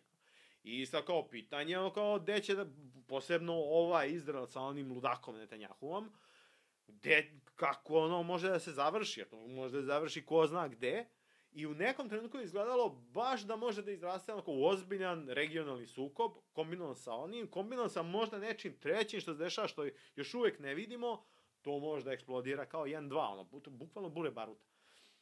A ekonomist, i sad ne znam da li ekonomist, Bloomberg, ne znam ja koji je neki ono, ovaj, od uh, ovih, uh, tih velikih, ono, ovaj, kako se zove, uh, listova je imao, a šta bi treći svetski rat značio za investitore? Znaš, u, ono, u jednom, ono, Šta bi bilo kad bi bilo, ali znaš, problem, problematičan tekst na svim nivoima. Na svakom mogućem nivou. Tako je. Dakle, pro, pročitaš taj tekst. On je mnogo manje problematičan. Dobro, ali, Ali clickbaitovan je ozbiljno. Sumanuto, Tako je. sumanuto, ali sumanuto ne samo zato što je potpuno blesao na naslov sam po sebi, nego zapravo zato što je jako precizan. Jer zaista mi bila korona pre dve, tri godine, jel? Da. Kao, koja je prvo pitanje bila, joj, ta, sa, sa ekonomijom. Kako sad ekonomiju? Deder ekonomiju znaš, kada spašava. Sad, okej, to je ispalo ono kao, manje više potpuno nepotrebna ona histerija koja je trajala ne znam ja koliko godina po dve dana, ne znam ja šta god, ali o, mogla je da zapravo ne bude toliko benigna koliko je bila. Moglo je da bude nešto mnogo opasnije i dalo je nacrt kako će se politički reagovati kad zaista bude došlo ono kao opasno. I ko će se prvi gledati, jel? I ispalo je ono kao, prvo ćemo gledati, joj, kako da spašavamo, znaš, kao tu cirkulaciju kapitala. jel? Tako je. A ne kako ćemo, šta god, ono, deder, da vidimo šta ćemo sa ljudima, šta ćemo sa društvom i tako dalje. I to su, ono, zajebane stvari. Uletelo se tu u, u nek, na neki način u upropašćavanje određenih investicija koje su, od kojih je zavisilo možda društvo. Pričamo o zdravstvu direktno. Uh, pa Da mislim, dio je da, da, zdravstvo se zapravo baš našlo ono u Na nezgodnoj, najgorom- da, najgorem udaru. mogućoj situaciji, da, Da. ono, strašan pritisak. Ja pričam kao neko ko je sa, sastavni deo tog sistema. Da, da, da. Ali Na je, šta je način. ono, jedna stvar koju je ta korona pokazala. I pokazala je to uzalud, na kraju kraja. Po, pokazala, ali ne samo u Srbiji, nego u svim... Da, globalno, globalno, Globalno, da, globalno, ne, ne samo kod nas. Pokazala je zapravo ko, ko, ko je potreban, a ko ne. Jer kao kad je došlo onog prvih, ono, kada je to bilo martu 2020, ne znam ja kad. Ono kad smo se lockdownovali Da, za džabe, jer nas je sačekalo sve. veze, ono, O, da. mi smo imali samo retroaktivnu reakciju. Jeste, da. Okej, razumem ja. ali To Odložili smo zapravo, samo, znaš, neizbežno. To, to mo, mo, u nekom trenutku to izgledalo kao pametna javna politika. Okej, Da. ajde da probamo nekako da što više ljudi padne žrtvom, ne znam ja, tamo vamo, levo desno. I kad se sve pogleda iz ove pozicije, možda je zapravo bilo malo preterano. Ne, ne znam, stvarno, Ali da, teško je sad tumačiti. onda dolaziš do te situacije kao korona, ne, ne, ne, kao zima će nas satrati i onda ti shvatiš da ne znaš ništa o tom virusu, jer onda dolazi proleće koje bude katastrofalnije od celokupnog ono lockdowna, ali kako ti da se zatvoriš kad si najavio izbore? E, da, I naravno, onda se dešava naravno. kompletna predizborna kampanja u pritom, tom. Pre toga, periodu. pre toga čak ono kao da, da, se, da se vratimo, ono na vreme najgore to, mart, april, maj, ne znam ja kad je to bilo, kad su, ne samo kod nas, nego svuda u svetu, ono, svi pod ključ, ne znam, sumanuto i to, Panika Ali ne svi. opšta. Tako je, ali ne svi. Neko zapravo mora da radi. tako je. I ispalo je da strukturno nekako moraju da rade oni ljudi koji su izgleda nekako najmanje stalno plaćeni. Uh, ljudi koji rade u zdravstvu, to je prva stvar. Ono, mo, nemaš, hoćeš, nećeš, moraš. Moraš da radiš. Je, jebe ga, Kako- znaš. ono. Jebi ga, ja recimo ako sam nezadovoljan platom, ja ne mogu da štrajkujem u, na nivou... Da, da. Ja mogu da znači štrajkujem Da, da. u, u svoje slobodno vreme, ali ne mogu da dođem i kažem, e, ja obustavljam rad. Kako Da, ja da, da, da, da. obustavim rad, Da, jebote, da. kad je neki pacijent u ovom trenutku Da, u da. operacionoj sali kome se bore za život. Jeste, jeste, da. Ok, mislim, ono, zdravstveni radnici, ono, imaju pos, posebne uslove za štrajk, ono. Tako Ovi, je. Ne znam, policija, vojska i to, oni ba, imaju plus još neke, Tako ono, je. ono, uslove koje treba da ispune da bi ono kao mogli štrajk. Ovaj, ali nisu samo zdravstveni radnici. Đubretari. Tako je. O, je, znaš, kao odjednom, čekaj bre, ono, ako, znaš, Javno komunalno svi, preduzeće. gde ćemo s đubretom, pogušit ćemo se, znaš, kao za dve nedelje, ono. Eto ti novi difterija, Drugo, ostali Znaš kao, da gluposti. se vratimo ono kao na, ono, tekstilnu proizvodnju. Ko će da šije gaće? Znaš, kao, odjednom je bilo, znaš, kao izgledalo da će da crkne ta industrija, ali kao odjednom, kao, joj, izgleda da neće da crkne, vraćaju se svi trč na posao, ne znam, ja šta god. Pa je kao tekstilna industrija bila jedna od prvih industrija koja je zapravo morala da radi po onim režimom, ne znam ja, vetrenje, maske, trtmart, ne znam ja šta je bilo, znaš. Zapravo se vidi ko, koji su to radnici nužni i neophodni Za da- funkcionisanje. repro- za funkcionisanje društva, za reprodukciju društva. Za najosnovnije funkcionisanje društva. Najbazičnije. Tako je. I to nekako uvek ispadne oni koji su najmanje plaćeni. Jer kao, taj, čubretari, ne znam nija, tekstilni radnici, ne znam nija koja muka i ono, sirotinja, kao ispada nekako da su zapravo mnogo nužniji nego, znaš, kao bez, ono, marketing menadžera, baš se nekako zgodno moglo, ili ne znam Tako čega, je. znaš. I, i potpu, znaš, kao potpuno sumanutu ono kao situaciju smo ono tad bili došli i meni se činilo, ok, tad ćemo zapravo da shvatimo koje su vrste rada i koji su to poslovi na kraju krajeva neophodni, a zapravo su jako slabo plaćeni, a koji su Ali pazi, višak. zdravstvo je jedna onako poprilično banalna, mislim onako ko- kontradiktorna stvar bez koje se ne može, a konstantni je trošak za državu. Ti nemaš e, na nekom osnovnom nivou e, ti, ti, znači pogotovo za državu koja, da, ti plaćaš to svoje zdravstveno, plaćaš Mhm, sve mhm, kroz mhm. poreze, kroz ovo, kroz ono, ali u suštini to su skupi lekovi, skupa lečenja, mada je, u suštini može to da se, uvek ima sto načina, Joj, sto pa, varijanti. To su, to su uvek malo i etičke dileme i moralne dileme, to kao... Uh, Da li ti u, generalno kroz to socijalno možeš da pokriješ lečenje tolikih ljudi i svega toga? Mm, To zavisi, zavisi Mislim, banalna je stvar kao, ali ajde kao bez čega se može, mi smo pričali o tom, u tom periodu, o tom nekom građenju bolnica, kupovini respiratora. Meni je to Mhm. bilo iz pozicije zdravstvenog radnika koji vidi stvari iznutra poprilično banalno i smešno. Jer ti kao bra- gradiš bolnicu, uh, prva stvar, ku- kupovali su se besomučno respiratori koji su stajali po fundusima i kojim podrumima, jer ti za respirator moraš da imaš priključak, moraš da imaš gasove u koje možeš da, Da. priključiš, ne, ne radi to samo na struju. Naravno, da. Znači, moraš da imaš gasove na koje to funkcioniše. Što, znači, gde ću ja, ako, šta će meni poklon respiratora ako ja nemam gde da ga uključim? Banalan primer. Onda idemo bolnice, gradimo bolnice, zidamo batajnicu, zidamo ovo. Ko će tamo da ti radi, druže? Ti imaš deficit u, u trenutnim ustanovama koje postoje. To se desilo sa izgradnjom novog kliničkog centra, da si ti sa određenih uh, sa, sa određenih klinika povlačio ljude da bi popunili taj prazan prostor, Aha. ali ne zato što su ti ljudi višak, nego zato što ova klinika može da opstane i na manjku rada. Da, da. Dovoljno su sposobni da mogu da opstanu i Da. sa, ra, sa manjkom radnika. Ako razumeš šta hoće ti kažem. Tako da ta ono struktura celokupno, e, tek su isplivale onda rupe zdravstvenog sistema koji nam je neophodan. Naravno, da, da, da. Evo, Ne samo zdravstveno, znaš, kao društvo, Društvo. znaš, kao društvo je pokazalo toliko mnogo, je, znaš, kao rupa da je to prosto nevratno. Koliko je to bio ono preterani haos, zapravo neke stvari je načinio mnogo vidljivijim nego što jesu. Tako je. Nažalost, nije se to baš zapatilo, pa da kao... Da je malo duže trajalo. Da, ne, možda je samo da je, znaš, kao... taj uh, haotični početak cele te pandemije koji je kao bio i ono i zloupotrebljen i ne znam ja ovako je onako ovaj Zloupotrebljen za ispiranje mozga. za sve i svašta to Znači, to je bila jedna velika predizborna kampanja pred izbore. usput i to da da Mislim, da, iskorišćeno je kao tako. da. naravno naravno Jer kao, da. ne možeš da mi kažeš, e, završava se lockdown i ja odmah kao otvaram, o- otvaram, uh, kako se svi sad na glasanje kampanju i idemo sad svi na glasanje, a pritom ti za tih, uh, koliko je to trajalo, tri meseca nisi dao nikome Da, da, medijski prostor osim samom sebi. Mi smo otišli u suštini u digresija. Wow, digresija hiljadu... trajala, ne znam ja koliko Da, ono, digresije na digresiju pa šta ispadne. Uh, sad, uh, koji su u suštini, uh, ti si rekao da ti imaš, mislim, dao si mi sa tim neku vrstu, ajde da kažemo, uh, šlagvorda, nije ni šlagvord klasičan, ali kao raspad Jugoslavije, ti imaš tu neku da svoju alternativno viđenje toga. pa nije koje- to toliko alternativno viđenje nije da, Mislim, ja o tome da, sad da, da. izbegavam da pričam ja direktno, zato što ja Jugoslaviju nisam doživeo ni na jedan jedini način. Ja sam generacija Da, da, 99, da, da. znači ja sam tu bio posle raspada.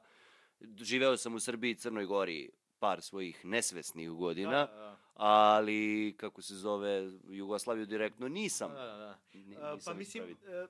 e, e, ok, mislim, ni- nije, to čak nije, nisam, ja, nije ti to baš neka, ovaj, kako se zove, ne moraš da doživiš da bi nešto doživeo, jer uvek Tako o je. nekim stvarima postoje priče i načini na koji priča. I mi uglavnom stvari e, doživljavamo ne samo intimno iznutra, mi, ja sad doživljam ne, šta god, pivo, mikrofon, ovo, ono, ne zapravo doživljavamo u skladu sa nekim ono već uspostavljenim društvenim normama, mišljenjima i tako dalje. Mišljenja koje imamo već su uspostavljene matrice, jel? E, I sad, kad govorimo recimo ono kao raspad Jugoslavije, postoji nekoliko ono, već uspostavljenih matrica o tome kako se zapravo raspala Jugoslavija. Jedna od tih priča jeste to da kao prosto kao u toj Jugoslaviji su bile neke etničke razlike, jel? koje su kao bile nepremostive, koje su istorijski starije od Jugoslavije i tako dalje i tako dalje i one su pod ko u nekom ekspres loncu držane pod pritiskom neko vreme, el tako? Ali kao ekspres lonac ne može beskrajno, jel tako da ono kao Da trpi ono, Da pritisak. trpi pritisak, a mora da eksplodira u nekom trenutku i da se to zapravo desilo u Jugoslaviji. To je jedno od tih ovaj eh, jedno od tih tumačenja. Čini mi se da je to zapravo najdominantniji oblik tumačenja ono raspada Jugoslavije. Uh, međutim, ja imam uh, jednu stvar i nije potpuno netačno. Ok, mo- moram da priznam, nije potpuno netačno. Prosto, etničke razlike i Jugoslavija se jeste raspala u velikoj meri prema etničkim, neki, nekim etničkim ovaj, granicama, na stranu što sad ja uvek postavljam pitanje ono kako su konstruisane etničke granice, koje su politike iza konstruisanja etničkih zajednica, nacionalnih država i tako dalje, to ćemo Ali te etničke granice nisu nepremostive, što se nu, vide... I pritom, naravno, nikad jer, jer, jer se ne bi viđ... smele zapravo da budu... Jer se viđalo, ja, mislim i viđalo, to, to je jedan fenomen da ljudi dosta često prelaze iz jedne etničke grupe u drugu. To, tačno to, da, da. Mislim, I pro, prosto proces ono kao stvaranja etničkih grupa je jedan istorijski proces. Tome ćemo vrlo verovatno ono kao dokačiti ono u nekom trenutku. ovaj, uh, ali ja sad imam jednu uh, stvar koja se relativno redko, uh, relativno redko pominje. I baš ima veze sa ovim ono, istorijskim materializmom. Ja kao to. Istorijski materializam tuči, tumači istorijska dešavanja kao spoljašnje oblike tog strukturnih promena pol, u suštini političko-ekonomskih odnosa. Jel? I ja mislim da je ono raspad Jugoslavije bio se najbolje, najpreciznije može tumačiti baš tako što se makar uzme u obzir da je jedna od stvari koja je bila bitna u raspadu Jugoslavije zapravo bio taj političko-ekonomski proces, prvo uh, uništenja socijalizma, jel? zaustavljanja tog procesa realnog socijalizma koji zaista onako jedan istorijski proces mora postoji neko vreme ono kada bi ne, neke stvari ono kao razvio i ono iz sebe i to. Ovaj A uvo sam zabagovao. a, a, I da se zapravo raspad mora tumačiti ono kao to, u skladu sa tim procesom, znaš, kao koji je zapravo dolazi. Taj proces je u stvari neoliberalizam. No? Tako je. I taj proces je bio raspad e, ne samo realnog socijalizma, nego zapravo i raspad uh, države blagostanja. Znači, 80. godina dolazi, uh, na vlast u Engleskoj i u Sjedinim američkim državama dolaze ona Lujka Thatcher i onaj budala, ona Reagan, jel? Oni radikalno menjaju ekonomsku politiku Engleske i Amerike, jel? To se reflektuje, pošto jedna, mislim, Engleska nije toliko bitna u tom, u tom smislu, sem što je avangarda bila u tom, tom procesu, ali Sjedinje američke države jesu. Znaš, kao Amerika zapravo pacemakeuje ogroman deo sveta, ono, diktira tempo, jel? ove, razvoja i u tom trenutku zapravo do, dolazi, formira se ono što mi kasnije počinjemo da nazivamo neoliberalizam. A to je zapravo država uzima aktivnu ulogu u stvaranju tržišta i guranju ljudi u tržišne odnose tržišni odnosi su osnovni društveni odnosi, svi ostali su zapravo samo neka vrsta nadogradnje na te tržišne odnose. Posao države jeste da ljude ugura, utera isključivo u tržišne odnose i od toga sve ostalo nastaje, znaš, sve ostalo je društvo, jel? Tako je. I posle toga, znaš, kao, funkcioniše tako kako funkcioniše. E, naravno, to je najviše išlo u interes kapitala, jer to je značilo manje poreze, to je značilo manje prava radnika, jer se vrši pritisak i na sindikalno organizovanje, i na organizovanje radnika, i na besplatne servise koji tad postoje. Uh, u tom trenutku prestaje da se javno finansira i polako kopni od tad pa na ovamo i zdravstvo i uh, obrazovanje i svi ostali ti socijalni servisi koje mi poznajemo, penzioni, uh, safety networks i tako dalje, i tako, safety nets i tako dalje. Ovaj, zapravo počinju da se prvo zakidaju pod izgovorom mera štednje, koje smo naslušali se IHH i mi ovde kod nas u Srbiji, ja? I dolazi nešto drugo. Dolazi privatizacija. Uh, I to ne samo u Americi. Znači, svi ti servisi koji su postali kao državno i subvencionisani državnom vlastištvu u kojem god obliku, zapravo polako počinju da funkcionišu na tržišnim principima i privatizuju se u velikoj meri, jel? Da, ali to što I kod to... nas sve to kasni, to je već e, neki... To je, to je stvar istorijskih drugi... okolnosti. E, da. I doći ćemo verovatno i do toga, ono. A, to je stvar istorijskih okolnosti i ima veze sa, baš sa zašto, znaš, kao Jugoslaviji u Srbiji, baš tad i tad. Ali ima jedna bitna stvar koja je tu reflektovala se baš ono na tu Jugoslaviju. Uh, I opet, nije, nije ovo jedino tumačenje. Ne kažem da je jedino tumačenje, ali je... Ne, ne kažemo ni da je najtačniji, ali je... Da. Često zaboravlja. Često se zaboravlja da je to zapravo bio jedan veoma bitan faktor. U tom trenutku, u celom svetu, ne samo kod nas, političke elite vide gde duva vetar. Jel?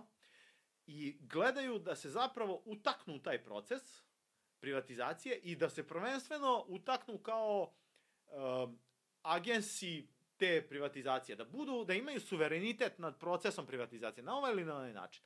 Uh, pre deset, do pre deseta godina najbogatiji čovjek na svetu je bio neki Meksikanac, neki Carlos Slim, ja? Ovaj, I on je bio vlasnik gomile nekih telekomunikacijonih kompanija u Meksiku. Ali on je postao vlasnik, vlasnik tih kompanija tako što je prvo bio ministar za telekomunikacije. Ne znam tačno kada, 80-ih, 90-ih godina. I kad je taj proces te struktur, pritisak na tu pri, privatizaciju svih tih javnih servisa, između ostalog tih telekomunikacijnih kompanija u Meksiku, na primer, on je zapravo iskoristio svoju prednost, jer je poznavao sistem, bio deo političke elite, poznavao sve igrače, znao da se snađe u toj mreži tih odnosa u tom, toj bari punoj krokodila i ne znam ja kako, najbolje se snašao i najbolje se snašao zato što je bio deo političke elite pre toga. Jel? I to je način na koji je politička elita u suštini to profitirala iz tog procesa ne ono stvar, stvar formiranja održavanja tog neoliberalizma, jel? I na kraju krajeva razlog zašto, zašto je politička elita taj proces i podržavala. Političke elite. Svuda, malte ne svuda u svetu. Tako je. Jer su od tog procesa profitirale dobro. U Jugoslaviji se dešava ista stvar. Politička elita vidi gde duva vetar i otprilike šta će biti za 10-15 godina mi, mi ne, svi mi ostali koji nismo bili politička elita i nismo politička elita, zapravo nama je, to nije više transparentno, mi to ne, ni, ni iz daleka ne, ne vidimo. Mi imamo sobstvenu egzistenciju sa kojom, kao moramo svaki dan da izađemo na kraj i tako dalje, to nam M sakriveno, M nemamo vremena da ono se udubimo u to. Za nas taj proces u velikoj meri, odnosno za radničku klasu u ono, Jugoslaviju, u velikoj meri taj proces ostao potpuno nevidljiv i nepredvidiv. Znači, kao da je došao odjednom, iako je politička elita to znala. Ali, i sad sve bi se to tako lepo završilo ono Jugoslaviji, ono, politička elita bi jednostavno imala svoj suverenitet nad procesom privatizacije, zaradili bi ogromne pare, ono, ogromnu lovu, postali bi nova buržoazija te Jugoslavije, samo da nije jedna stvar. A to je, Jugoslavija nije imala jednu političku elitu, nego je imala šest, šest. ili možda čak i osam, možda čak i više, ne znam nija koliko. Znači svaka republika je zapravo bila u nekoj, neka vrsta ono države unutar države za sebe. Političke elite republika su bile zapravo znatno moćnije od sa, saveza. U tom trenutku to, od, od tog ustava, ono, uh, sa, Jugoslavia, SFRJ, u suštini nije previše centralizovana, ni uopšte centralizovana država. Republike su nosioci suvereniteta, nosioci vlasti, u suštini. I političke elite republika zapravo imaju pravu, realnu, ono, društvenu moć, jel? I zami, stavi se, znaš, kao ono, u uh, situaciju neke od tih, ono, elita. Imaš dve mogućnosti. Ok, ili ćeš sa ostalih pet ili sedam da uđeš u sukob, oko toga ko će u celoj Jugoslaviji ono da zgrabi taj proces privatizacije i da ima na kraju suverenitet na njim. I da onda rizikuješ da ostaneš kratak, jer možda se neke druge dve, tri, četiri udruže, pa koja god sama ostane da ostane i dalje manje moćna, jel? To je jedna mogućnost. I druga mogućnost je da se zapravo rasepkate i svi da se ono, raspadnete ono u šest novih država i onda u sobstvenoj fioci svaka od tih političkih elita iz 80-ih, na primer, će zadržati suverenitet nad procesom privatizacije u, u sobstvenim U sobstvenoj maloj fioci zagledanoj svoj pupak, nacionalnoj, nacionalističkoj i tako dalje. Naravno da je svaka od njih ono pametno razmišljala i to izvagala gomilu stvari i rekla da je zapravo pametnije ovo drugo da se rasepkaju. Zato je, ono, u suštini, uh, raspad je to moralo bio... da se raspadne ratom, a ne recimo nekim sporazumom. E, rato, ratovi su se zapravo desili uh, oko rubnih područja, oko područja koje je bilo pitanje kome će da pripadne, na, na tom području kome će da pripadne suverenitet nad suverenitet kao suverenitet i suverenitet nad procesom privatizacije. Recimo, znaš, kao uh, srpska manjina u Hrvatskoj znaš, kao Hrvati kažu, ne, kao ko, u Hrvatskoj su, uh, Srbija kaže, ne, ne, Srbi su Srbi moje... su, naši su i tako dalje i tako dalje. I velika nepozna i rat u, rat u Hrvatskoj koji je ono usput zapravo nije u poređenju sa ovim ostalim balkanskim ratovima, posebno sa onim u Bosni, zapravo nije bio mnogo krvav. Zapravo nije bio mnogo krvav.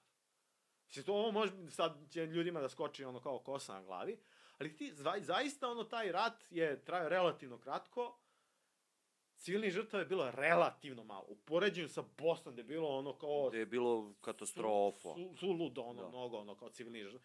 Koji je bio krvav, divljački, su- sulud, ono. Poprilično ekstreman mu... Užasan, to je... Da. Ali nije slučajno da je bio baš u Bosni takav. Jer Bosna je velika, ne, ne, ne, ne, veliki neplanirani element Tako je. Zato i veliki, uh, veliko iznenađenje za te političke elite. jer imam, jer- jer imam uh, nacionalni miks, tako reći. Ne samo zato što ima nacionalni miks, nego zato što uh, je Ti imaš tri države vrsta- koje, u kojoj svaka ima svoju teritoriju. Tačno tako. Upravo to. I onda se, u nekom trenutku se ponadalo, ok, Bosnu, Bosnu ćemo lako da rasparčamo Srbija i Hrvatska. Hrvatska uzme njen onaj hercegovački onaj bubac, Tako. ostalo zgrabi i Srbija. Ali u tom trenutku se javlja I- nepredviđen element, ne određeni deo i to Muslimani hoće velik. svoju državu. Zapravo kažu kao čekaj, nećemo da budemo baš ono kao ono pijun u ovakvoj igrici, jel? I zato rat u Bosni zapravo eksplodira tom snagom koji zato je on bio ta, ta, toliko krva, zato što je zapravo u suštini nije bio kontrolisan. Nije mogao da se iskontroliše tim procesom. I on je morao da Nije eksplodira moglo da se proces. dogovori oko... Nije moglo unapred i, znaš, kao da se ima neka vrsta ono gran, ograničenja sukoba, granica sukoba koju jedna i druga strana smatraju za granice, ne, neko vrsta unutrašnjeg ili ne znam ja, kako, spoljašnjeg kompromisa te dve Da. države koje su se tu, znaš, kao našle, ono kao da se... Pogotovo zato što si ti tu uveo i neku vrstu nacionalnog ekstremizma koji sam po sebi ne može da se kontroliše. A je, sad, da, sad veliko je pitanje, znaš, kao, da li taj nacionalni ekstremizam koji mi, mi sad doživljamo to, proživljamo to kao 30 kusur godine, ne znam ja koliko, je on uh, nastao, formiran, da bi se facilitirao ovaj uh, dubinski da. preokret, jel? Ili je to samo kao nastao sam od sebe, ili ne znam ja kako. Ili je uvek postojao, znaš. Ja sam ponajpre, ono, ova prva škola, jel? Zapravo taj Da je nacionalizam... klica negde 90-ih usađena pa da je puštena i da, da je u živi. suštini a, taj, ta vrsta nacionalizma i nacionalizam koji smo mi imali 90. godine i od tad se ono kao rvemo sa njim i kao ne znam, znaš, kao šta da radimo sa tim problemom, danas u obliku te savremene sumanute desnice, jel? Da je to zapravo formirano upravo da bi se omogućilo da onaj dubinski proces proteče. Jer da bi ti razvalio jednu državu i na kraju imao taj suverenitet nad tim procesom privatizacije u, ne Srbiji, Hrvatskoj, Sloveniji, tamo, vamo, levo, desno, ti zapravo najlakši način je da proizvedeš nacionalizam. Da kažeš, no, mi Srbi, Hrvati, ovi, oni, levo, desno. Znaš. Da, ali onda dolazimo do tog e, pitanja šta je nacija onda. Pa naravno, znaš kao to je Ovo sad... ide po automatizmu da, da, da, to samo po po sebi. automatizmu ide ono... A, sad, ovo je jedno, jedno od tumačenja, opet, nije jedino, niti ono, imam... Pa dobro, mi smo da ušli sad u kao, da, filozofske sme, sfere i... Samo ja sam, kao, moram, znaš, kao tu granicu, znaš, kao da stavim, često mi kao, pa nije to jedina stvar, znaš, kao, koja se, okej, naravno, nije jedina Da. stvar, ali stvar koja se često zaboravlja. I zaboravlja, još jedna stvar koja se često zaboravlja. Nacionalne države, mi danas ono ih doživljavamo kao potpuno i totalno autohtone e, tvorevine. Kako je nastala neka, bilo koja nacionalna država? Srbija, Hrvatska, Nemačka, Francuska, ovo. Od ozdo. Znaš kao, mi smo bili Srbi, Hrvati, ovi, Rumuni, ne znam ja koji, od uvek, sad konačno smo došli u svoj, opet nije slučajno, prirodni poredak. Mi imamo svoju nacionalnu državu, oslobodili smo se nekog terata i tako dalje, i tako dalje. I zapravo se stalno zaboravlja da postoji jedan konkretan istorijski proces koji je doveo. nastala i nacionalna država i nacija kao je, jedan od oblika ideologije, jel? Uh, 1983. je bila u stvari jedna čudesna godina za ono studije nacija. Uh, tri knjige su ono jako bitne izašle. Uh, znaju sad ono kao antropolozi, istoričari, ono koje su, koje su zapravo uh, možda dve ono mnogo, uh, mnogo bitnije, uh, izmišljene tradicije i uh, zamišljene zajednice, Benedict Anderson. Uh, odnosno, čekaj samo da se setim kako se ovaj, zvao. Zamišljene zajednice... Ja, nije bitno. Iskasapit ćeš ti ovo da liči, znaš kao da nešto. Dobro. Ovaj, Neće u svakom slučaju, da, kao... Uh, U suštini vidjet ćemo koje su knjige, pa ćemo kačiti Da, u da, da, opisu. Da, da, dole. Ne, Koga ovo da zanima? puštaš ovo kad sam se zbunio i to ono. Dobro, ajde, re- recnut ćemo tu malo pre. Ok, To. idemo. A, uh, mislim, uh, i sad kao uh, te dve zapravo, uh, ili tri ono, ovaj, knjige se bave upravo time šta to zapravo jeste nacija. Dakle, koji je taj politički, kompleksni političko-društveni proces koji uslovi da dođu, po, po nastanu neke društvene formacije kao nacije koje imaju to na, nacionalnu državu plus naciju kao neku vrstu svesti o zajedničkom pripadanju i ta, i šta ti jedna. I uh, za ben, ovog uh, za uh, izmišljanje uh, za pardon za zamišljene zajednice to nacija je upravo to za, za, mi zamišljamo mi smo nacija zato što zamišljamo da smo jedna nacija. Englezi, Nemci, Srbi i tako dalje tako veliku ulogu u tome igraju zapravo mediji kojima Tako se ono kao proizvodi upravo to osjećanje mi Englezi, Srbi, Nemci, Rusi, ne znam ja, ovi oni. Uh, Koji promovišu tu vrstu nacionalnosti, Naravno, da, ali... I, uh, tu treba razdvojiti dva, dva procesa. Jedno je formiranje nacionalne države, Tako je. a drugo je formiranje nacije.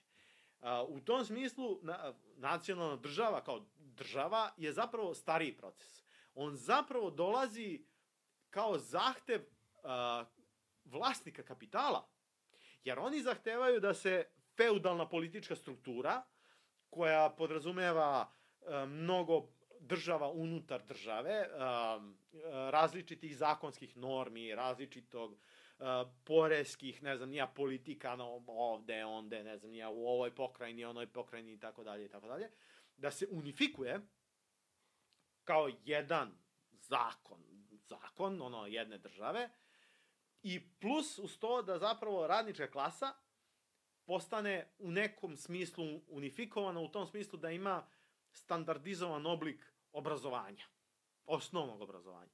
Znači da zna da pročita ugovor, ne slučajno, da zna da pročita ugovor o radu i da se potpiše na njega. I da on posle toga ugovor o radu bude zanični dokument. Dokument, Jel? tako je. To su stvari koje je zahtevala buržuazija. Zato što kao nisu mogli da se snađu ono sa Iksevima, ko palčevima. koliko ono kao tih pravila unutar jedne feudalne, polufeudalne, ne znam ja kakve. Neobrazovane.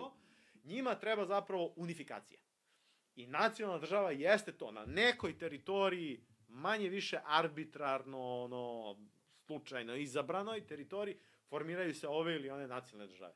Sad, to engleska, francuska, malo su drugačiji proces ono kao imale, malo kompleksniji zato što je to kao po, prosto postojao neka vrsta danas građanskog aktivizma, jel? Kao, ali kao jedna vrsta ono to građanskog nacionalizma. Kao, mi smo Francuzi zato što imamo zajednički politički cilj. Jel? Ali na drugim nekim mestima uh, stalno postoji jed, jedna muka sa, sa tim zajedništvom. Jel? Jer ono de facto u tim trenucima ne postoji. Tako je. Odeš u Francusku, ono u 19. veku, tamo se priča stotine jezika. Neki langedoci, nor, ono, ne, normanski neki jezici, neki U suštini to je struktura stanovništva koja je došla za različitih strana, pogotovo kod Engleske koja je bila velika kolonijalna sila i dovlačila Da, da, ljude da, iz da, da. celog sveta, pogotovo Afrike i ostalo. Da. Pa mislim gde god su. Sjedinjene američke države.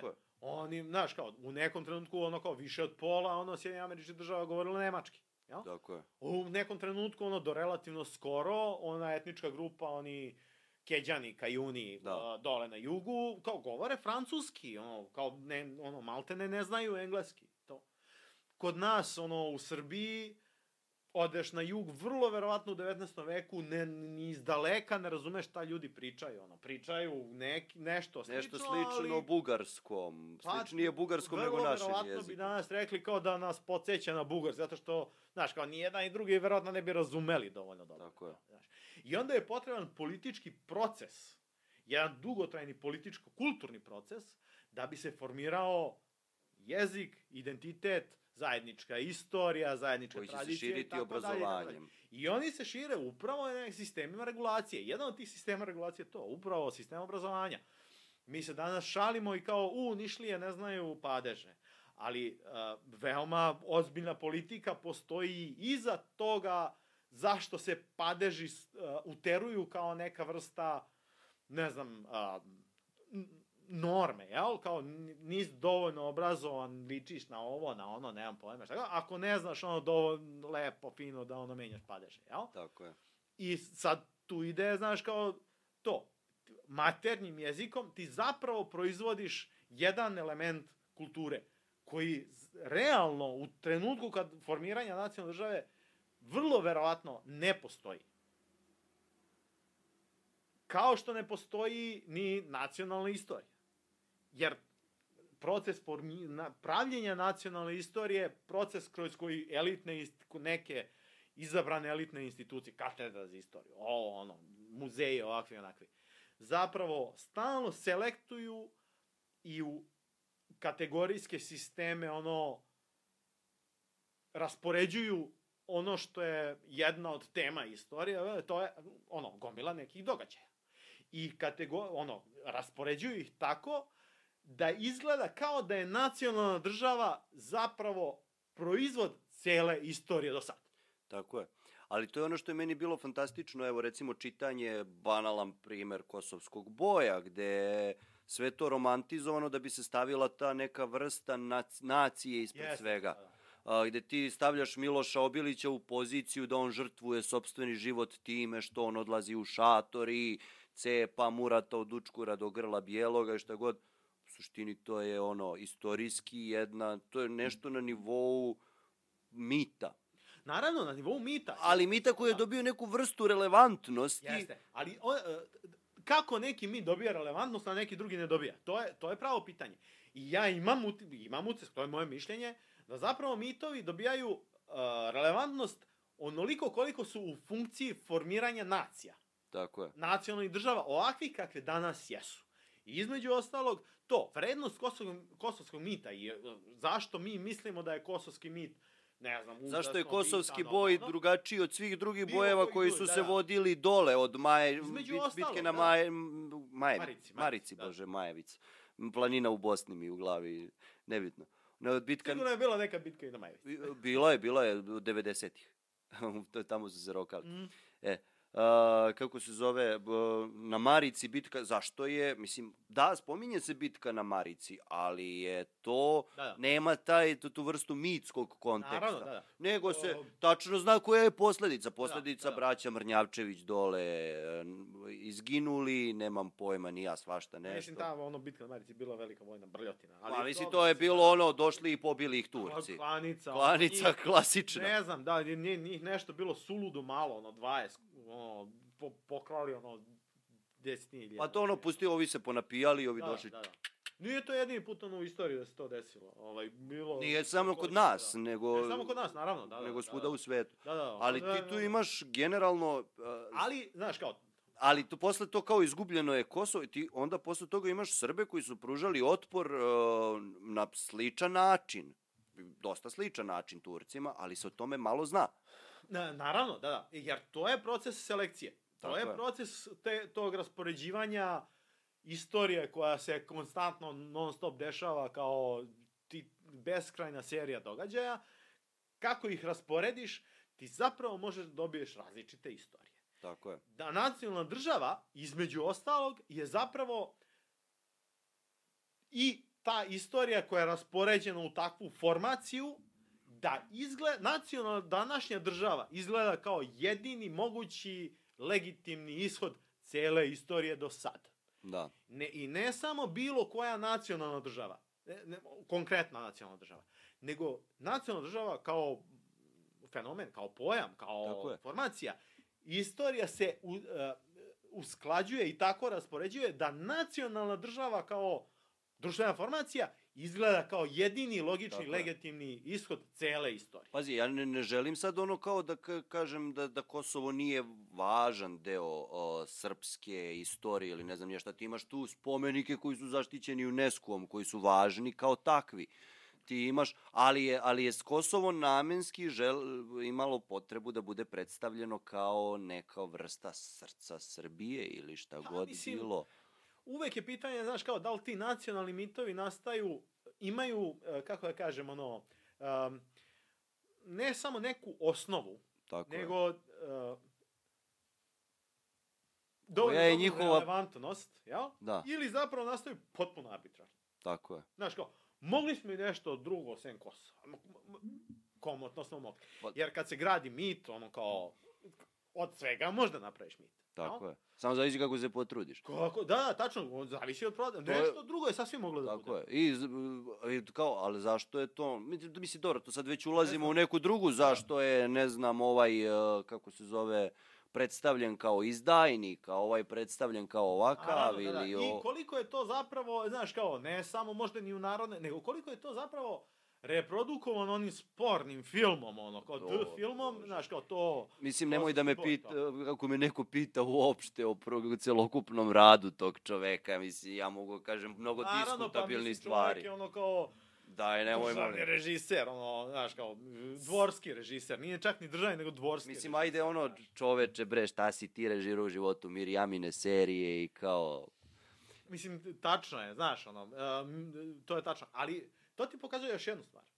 Uh, da su zapravo ta, uh, uh, takve funkcije, ja sam sad kao uhvatio pa kao, Sad smo uhvatili da Dvorski, ta ono, slačimo znaš, da, da. njega, da, da. znaš, kao dvorski režiser, znaš, kao, jer kao, znaš, kao, uh, te politički, od to, 80 i neke godine, kao režira te politički ne, ne, ne subverzivne, nego ne znam ja kako, ono, Pa od, taj kosovski ono. boj je snimljen za nešto Pa da, da, bolesno, nešto, malo dana. dana, ono, kao Tipa, to. nije nedelju dana, je bilo da kažemo da je bilo dve, tri nedelje Tako maksimalno. da, da. Ali to, to je projekat, jebote, kosovski boj, ti treba predstaviš bitku i to, to su ono sulude greške koje su pravljene, ono tipa traktor koji Naravno, prolazi, da, da. Totalno ono banalno sečenje mačevima, razumeš, mislim. Da, ma da, ono- ali, uh, znaš, kao, uh, tad, u tom trenutku, pazi, to je 89. godina, i kao, odjednom postoji neka potreba za reformiranje, za ponovnim izmišljanjem nekog mita.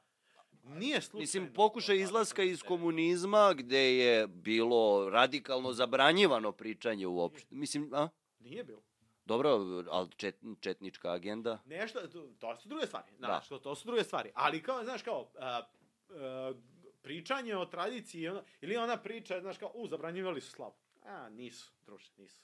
Znaš, kao, možda, znaš, kao, neko imao neku vrstu samocenzure, možda je, znaš, kao, ovako ili onako, ali to zapravo nije bilo, ono, za, zabranjeno u smislu, kao, sad će ti Pa doći nije ni da nije pa bilo, ali da. nije ni da nije bilo sad. Ja lično ne znam ono nikoga mi je rekao, znaš kao, e, meni je, ne znam, nije neko taj taj zabranio.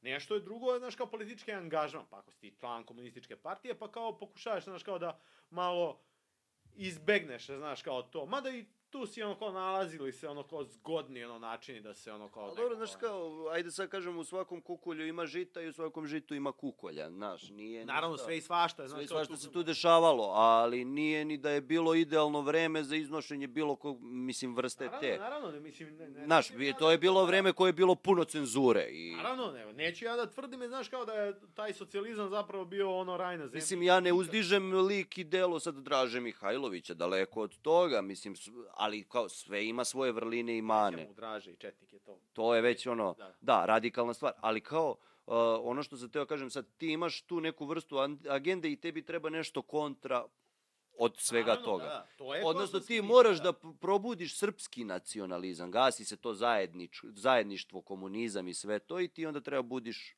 Ili zapravo kao autentična stvar nikad i ne postoji. tako Jer je. nikad, ni- to, to zapravo nije isključeno.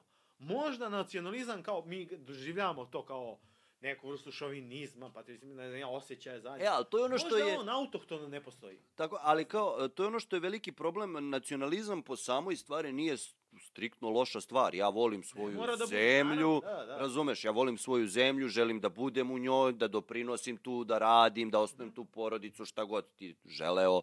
Mhm. Znaš, ono, pričamo o stvari izbora. Ali je nekako... Hm? Imam ja nešto. Ajde.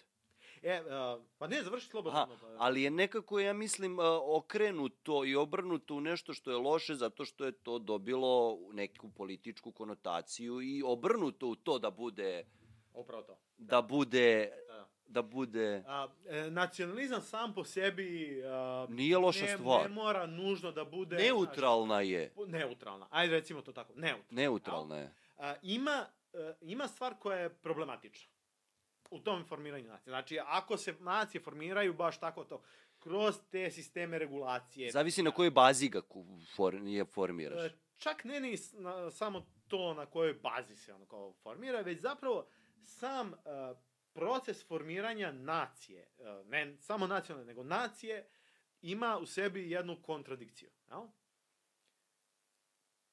On je jedan proces nametanja arbit, koliko toliko arbitrarno izabranih normi. Jel? Jezičkih, ovakvih, onakvih i ne znam ja šta god. Ali ako su arbitrarne, onda zapravo mogu da se čerupaju odakle god hoćeš i kako god hoćeš.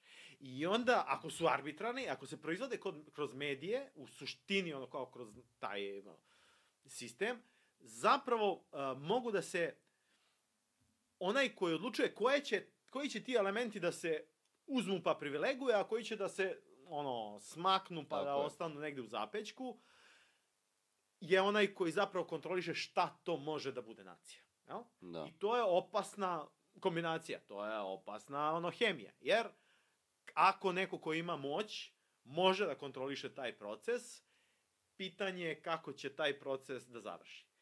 I ja imam utisak da prosto dan danas, znači to je 2023. i nije slučajno uopšte ono nova desnica i ta nova vrsta nacionalizma počela da se ponovo budi Da se ponovo zajedno, rađa. zajedno sa tim neoliberalizmom. Misliš Zato što ovo, ovaj, kao- država od to poslednjih 40 može čak i 50 godina, jeste neka vrsta ono embriona, ono uh, ljuš, ljuske ono unutar koje se proizvode kapitalistički odnosi. Da. I, ali, to nije kraj priče. To nije kraj priče. Jer nacija vrlo lako može da bude i ono drugo. A pritom, istorijski je zapravo i bila. U periodu onom... Misliš da doživljava svoju rene, renesansu na neki način? Može u jednom trenutku, možda može u jednom trenutku. Nisam siguran da će to istorijski tako da se desi. Možda će nam trebati nove formacije, nove neke formacije da bi mi em, ono, progresivne politike izgurali. Danas, siguran sam, ono, nacija kao društveno-ekonomska formacija je nosilac uh, reakcionarnih, konzervativnih politika, tu nema nikakve sumnje. Ali je u jednom istorijskom trenutku zapravo bila nosilac progresivnih politika. Između te 20. godine, 1917. konkretno, nešto i ranije, ali baš vidljivo između te 1917. i do recimo 80-ih, 70-ih, 80-ih godina, dok je trajala antikolonijalna borba, jel? nacija je u isto vreme bila i nosilac progresivnih politika. Sad možemo da uzmemo, znaš, kao i primere, ne znam, Alžir se oslobađa ono Francuske, Vijetnam se oslobađa, ne znam, Amerikanaca. Francuske, pa onda Amerikanac.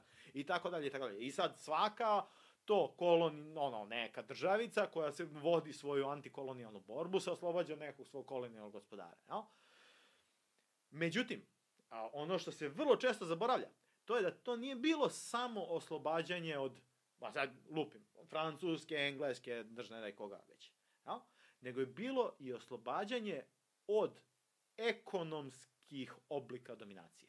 Odnosno je stvaranje određene vrste ekonomske nezavisnosti po znacima stvaranje navoda. ekonomske nezavisnosti, ali i iznutra oslobađanje od unutrašnjih oblika dominacije.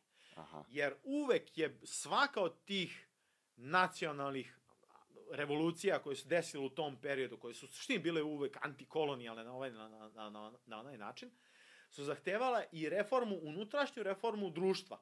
zahtevale su da se to društvo oslobodi oblika dominacije unutar sebe. Znači, ne samo Englezi i Francuzi marš napolje, već deder da vidimo te unutrašnji oblici dominacije gde neki imaju, a neki nemaju, deder i njih da se oslobodimo. I zato su kolonijalne, e, te antikolonijalne borbe vrlo često, možda čak i većini slučajeva, bile ispraćene socijalističkim politikama.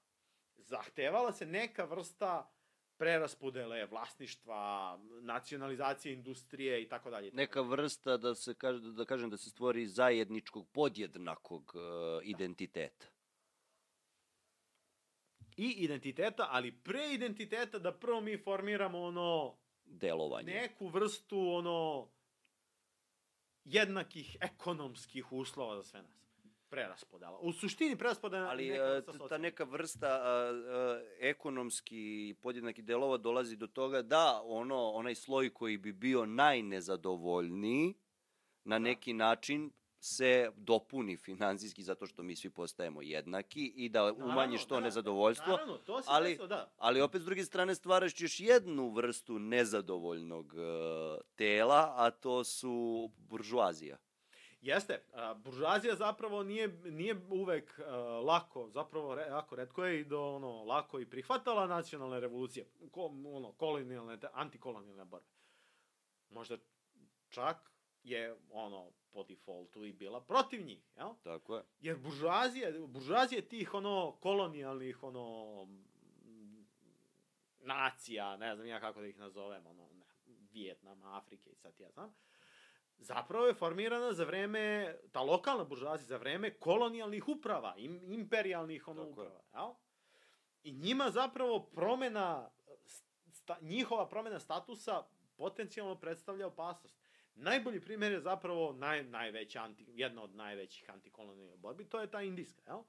I svi znaju sad Gandhi, ne znam ja, ne nasilni otpor i šta ti ja znam tamo, ali se zaboravlja da često da je upravo taj Gandhi zapravo nije bio predstavnik onog najsiromašnijeg sloja. Naprotiv, on je bio predstavnik malo bogatijeg, u stvari poprilično bogatijeg sloja stanovništva. Onog sloja koji je bio privilegovan za vreme britanske uprave. I Indija, na moderna Indija koja se oslobodila jednim političkim kompromisom oslobodila britanske ono kolonijalne uprave uz gomilu nekih pokreta, revolucija, pobuna i šta ti ja znam čega tamo vamo, je zapravo bila kompromis i ključ tog kompromisa, centar tog kompromisa je bio da se unutrašnji sistem, hijerarhijski sistem, sistemi dominacije unutar Indije zapravo ne diraju. Tako je. I oni su ostali ono solidifikovani, ostali su petrifikovani to te 40 i koje 8. 9. godine kad, je, kad se to desilo i ostali su i dan danas. Kastinski sistem je jedan od tih oblika dominacije. Jako zanimljiva stvar. Kastinski sistem je do uh, jednog istorijskog trenutka zapravo bio na ono izlasku iz istorije.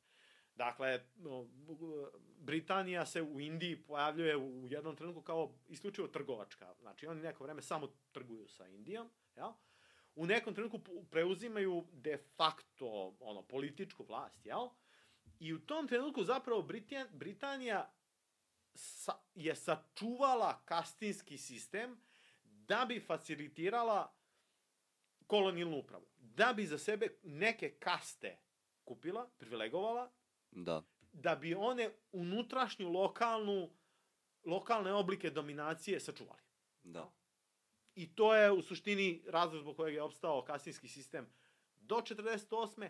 A 48. je on i dalje nastao ono da... Sve je to na da- neki način bilo uzročno posledično. Sve, sve je to uzročno Da. posledično. I to je problem ono nacije. E sad, fora sa ono celom antikolonijalnom ono kao borbom i ono nacionalnim pokretima to, koji su realno ono kao postojali tada. Ali izvini što te prekidam, to se na primjer desilo i u Srbiji posle drugog srpskog Jeste. ustanka. Da, da, da. To je identična stvar, jer Srbija je imala, to, samo što je to primitivniji vid kolonije za vreme... Jeste, drugačiji, drugačiji. Drugačiji vid kolonijalni- Primitivniji, primitivniji samo u smislu što je kao e, bio deo, znaš, kao te otomanske imperije koja je bila na, ono, na Ono- zalasku. Tako je. To dve, u tom trenutku, ne znam, 100 godina se već čeka Ali, da crkne. Ono. Tako je, to je ono kolonijalizam, e, to su i Janičari i vamo Naravno, i tamo, da, sve je to da. jedna vrsta kolonijalizma. Naravno, naravno. I da, da, to da. što mi imamo Da, da. kao turske To krvi. jeste bila izvesna to antikolonijalna borba. Tako Jer, Znaš kao, međutim, problem ono kao sa srpskom, ono tom, u tom konkretnom, znaš kao ono srpskom ustanku, je što je na kraju to zapravo... Nedostatak obrazovanja. i- Nije, nije nedostatak obrazovanja. Strukturni su, ponovo su strukturni uslovi. Da, Prosto je uh, u jednom trenutku buržuazija kao prosto kao dominantna, dominantni politički faktor ne nužno preuzela država, ali kao u državi postala dominantni faktor. postala država. E sad, uh, ona tema koja mi se nekako posebno ovako posle ove priče o naciji, o svemu tome nekako nameće, jeste ti imaš određenu vrstu rada i u feminizmu, od, odnosno završio si master direktno. Jeste, ono, ma, magistarski, magistarski. magistarske Da, da. studije, dor, to je tad bilo magistratura. Jeste, jeste, da, da, da. Pa je Pa posle da. toga došlo reforma u master. Jeste, jeste, da. Mislim, ja sam ono magistarski završio, to je tad bilo na političkim naukama, taj studijski program je bio, za, koliko ja znam, to je bio poslednji studijski program uh, magistarski, jel? Da. Ne mogu tačno da se setim tačno. Ono što je meni zanimljivo jeste kompletna ta neka vrsta rodne ravnopravnosti. Šta je mene motivisalo da zap, započnem, dobio sam prvi hate komentar. Ko želi Da, da, da. čestita, nek Da. čestita. Tako da to sam čekao, želim da ih bude još ljudi slobodno, hejtujte, treba toga biti. Možda se malo i hranim time što ide ka patološkoj nekoj. Pa, znaš kako, ono, mislim... Meni je ono kao bila zanimljiva tvoja kao voleo bi da me ti po znacima navoda prvosrbijanci malo izvuku iz konteksta i da krenu da me taslače, razumeš? Toga bi mi onako možda malo i možda Evo, čekaj, ni- nisam ja ono prvo srbijanac, drugo srbijanac. Ne, zajebavam ja se. ono kao to, kritikujem jedno i drugo, ono. Tako je, ali kao pričamo o toj prvosrbijanskoj koja ima tu možda ten, U, da, da, da. tendenciju da, demone, da, da ne demonetizuje, da demonizuje, to sam te... Jeste, jeste, da. Da. posledice kao bavljenja YouTube, Pa da demonizuje neke vrste ljudi sad tako što ih izlači iz konteksta. Tako da, zato sam i njih naveo, razumeš. Uh, sad, šta je tu stvar? Dobio sam taj neki hate komentar, Da, da, sam red, već spomenuo, Da, da, gostovao sam na radiju i sad to je bila neka emisija koja je bila uklopljena u radijski format, onako kako bi to trebalo da bude.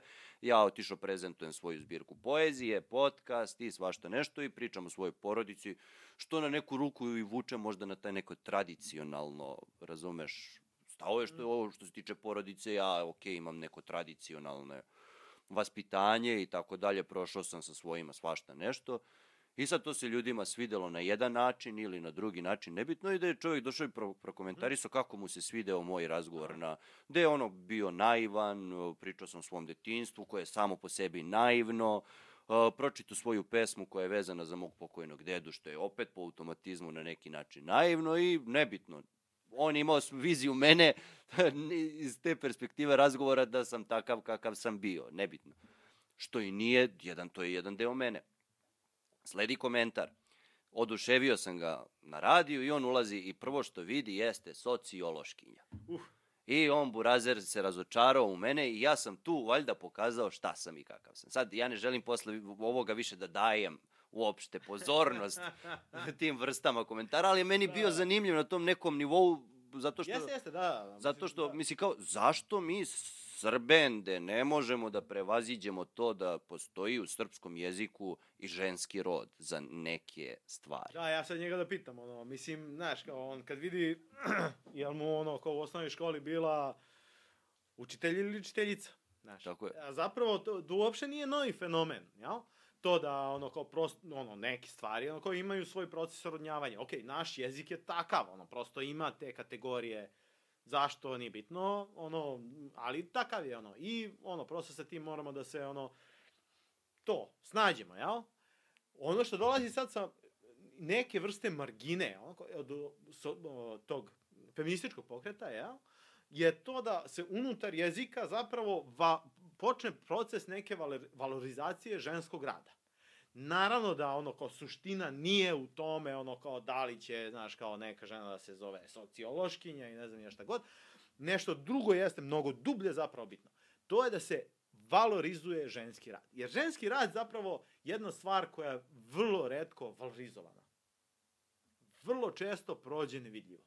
Tako je. A onda kad se, kad se pretvori u neku vrstu nužnosti, odnosno kad zapravo ono kao postane, e, prva stvar koja se ono radi sa njom, to je da se pretvori malo u muški rod. Ja? Tako je. Pa onda, znaš, kao, uh, e sad nije, znaš, kao, žena sudija, nego je sudija, Tako ta je. i ta, jel? I zapravo, problem je, nije u tome što ćemo mi danas da iznova orodnim, orodimo Tako je, zanimanja. da- da damo Nego i je ženski problem rod u tome određen. što su sva zanimanja zapravo već došla nama orodnjena, u muški rod, jel? Tako je. I to zapravo reflektuje nešto drugo. A to što reflektuje, to je zapravo to.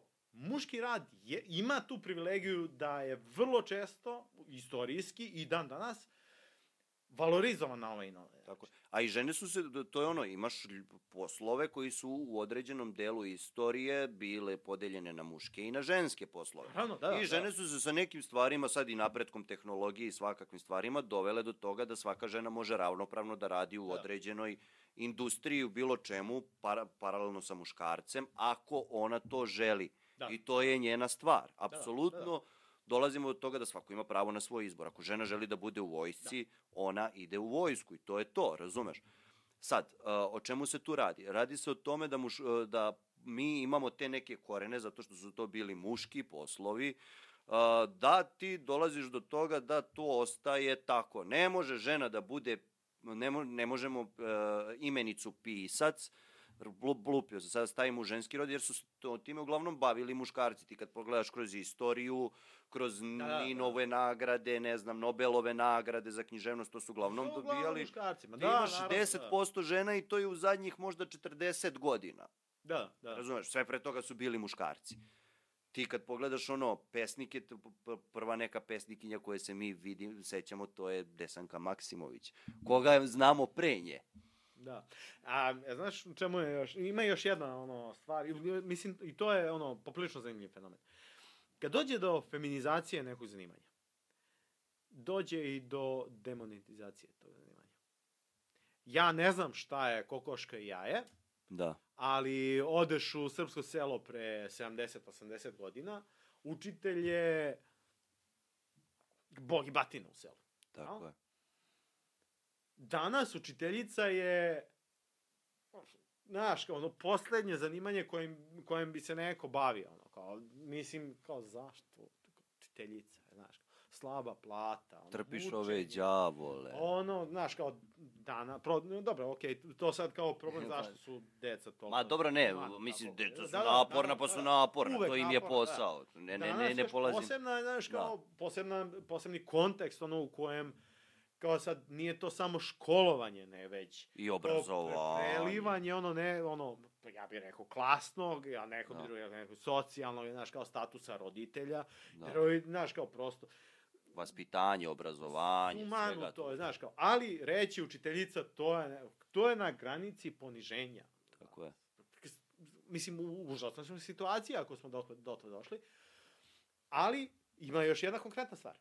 Ne samo da je ono to, pre 80 godina učitelj bio bog i batina, a danas je učiteljica niko i ništa, zapravo i plat, plata mnogo manja. Plata je, verovatno, učiteljice, ne mogu ni da zamislim, ono, verovatno, ponižavajuće malo. Znaju sad to, vrlo verovatno, najbolje prosvetni radnici, jel? Tako je. I sad, ja sad, ono, kao stalno razmišljam, znaš, kao, uh, da li prvo se neko zanimanje feminizuje, pa mu krene da spada plata, ili krene da spadna, spada plata, pa, Pa onda ga onda žene feminizuju. uhvate ono kao, ok, evo ga neki rep, rep ovog ili onog i kao hvata je, znaš, kao to, kao neku vrstu, ono, ne znam, čega god, ono. A, to je pitanje kokoške ili jajeta. Da. A, ne, ne znam šta je prvo, šta je drugo, nemam pojma. Jedno proizvodi drugo. Feminizacija rada ga pojeftinjuje, pojeftinjuje pojeftinjenje rada u nekom segmentu, čega god, industrije, ovog, onog, zapravo uslovljava feminizaciju. I to je neka vrsta, ono, um, vicious circle, kako se to zove, baš onako zlokobnog nekog, ono, jel tako, kruga i to. Da, ali došli smo tu situaciju sad, a, ide kao, uh, evo pričamo iz te perspektive kao spisatelj, uh, spisateljica, odnosno pisac i Mhm, spisateljica, šta god. Mislim, ljudi generalno kad, kad kažeš pisac, termin pisac, ti zam- zamisliš ono, Ne, stereotipno čoveka. da, kravata, sedi kuca na mašini, da. Redko ko zamisli ženu koja sedi na mašini Naravno, u da. kućnoj haljini ili šta god, kako god pričamo o nekim starijim stvarima, kao koja kuca određenu priču. Da, da. To je ono, a, mislim, a, sad, a, zašto je problem u tome što žene pišu? Mislim, ako već žene pišu, onda daj da ih oslovljavamo tako što... Naravno, ja ne vidim zašto bi to A, bilo da, i- sporno. i kao što- Opet imajući u vidu ono, pa čekaj, a s početka već imamo orodnjena zanimlja- zanimanja. Zašto nam to ne smeta? Zašto nam ne smeta, znaš, kao da je sudija sudija, a odjednom ne smeta da je žena sudija sudinica ili kako se već zove. Da. znaš. Ili zašto nam a, smeta kada jezik evoluira na svim drugim nivoima i menja se, kao što imamo sad reč susramlje ili nekih Naravno, da. Sto hiljada Naravno, različitih- živa- Ono, kao jezik je živa stvar. Tako je, ono, on se mora da menja, da. menja i uklapa se u, u, u kontekst vremena u kom trenutno živimo. Da, tačno, Zašto da. je onda problem ako imamo reč susramlje, koji je prevod krinđa ili kako god, o, osjećanja tuđe sramote na svojoj koži, ne znam nija kako bi to drugačije. Evo imam transfer blama kad mi neko kaže Tako susramlje. je. da. Tra, ali transfer blama. Evo ga, to je, Da, kako da, znaš što Da, to. ali uh, zašto onda imamo problem da, i, e, da rodno evoluira ako već evoluira i tako? Naravno, zato što, znaš, kao ta, e, ti sad to reče, znaš, kao rodno da evaluira. Takva, takva vrsta promene je zapravo politički osjetljiva. Tako je. Znaš, E, to se opet vraćamo na... Poli... Pa, to, Naravno, to je. sve se vrti, znaš, kao, u suštini sve se vrti oko, vrti oko neke vrste politike. Samo to što... je, znaš, Tako je, da.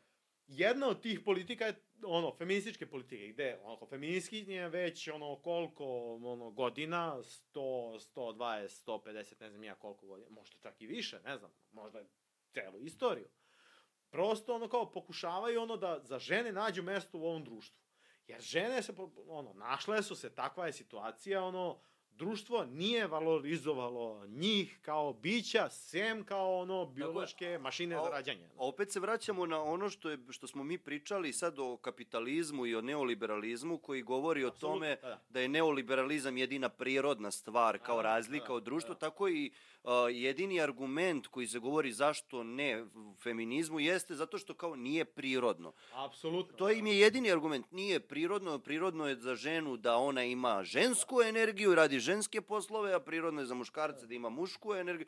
Čekaj, a ti i onda dođeš u situaciju da vidiš par gde ono vidiš da žena apsolutno dominira, ima u potpunosti mušku energiju i muškarca koji je na neki način možda polufeminiziran ili šta god. Znači ne, ne pričam ni u jednom uvredljivom da, kontekstu o da, svemu tome.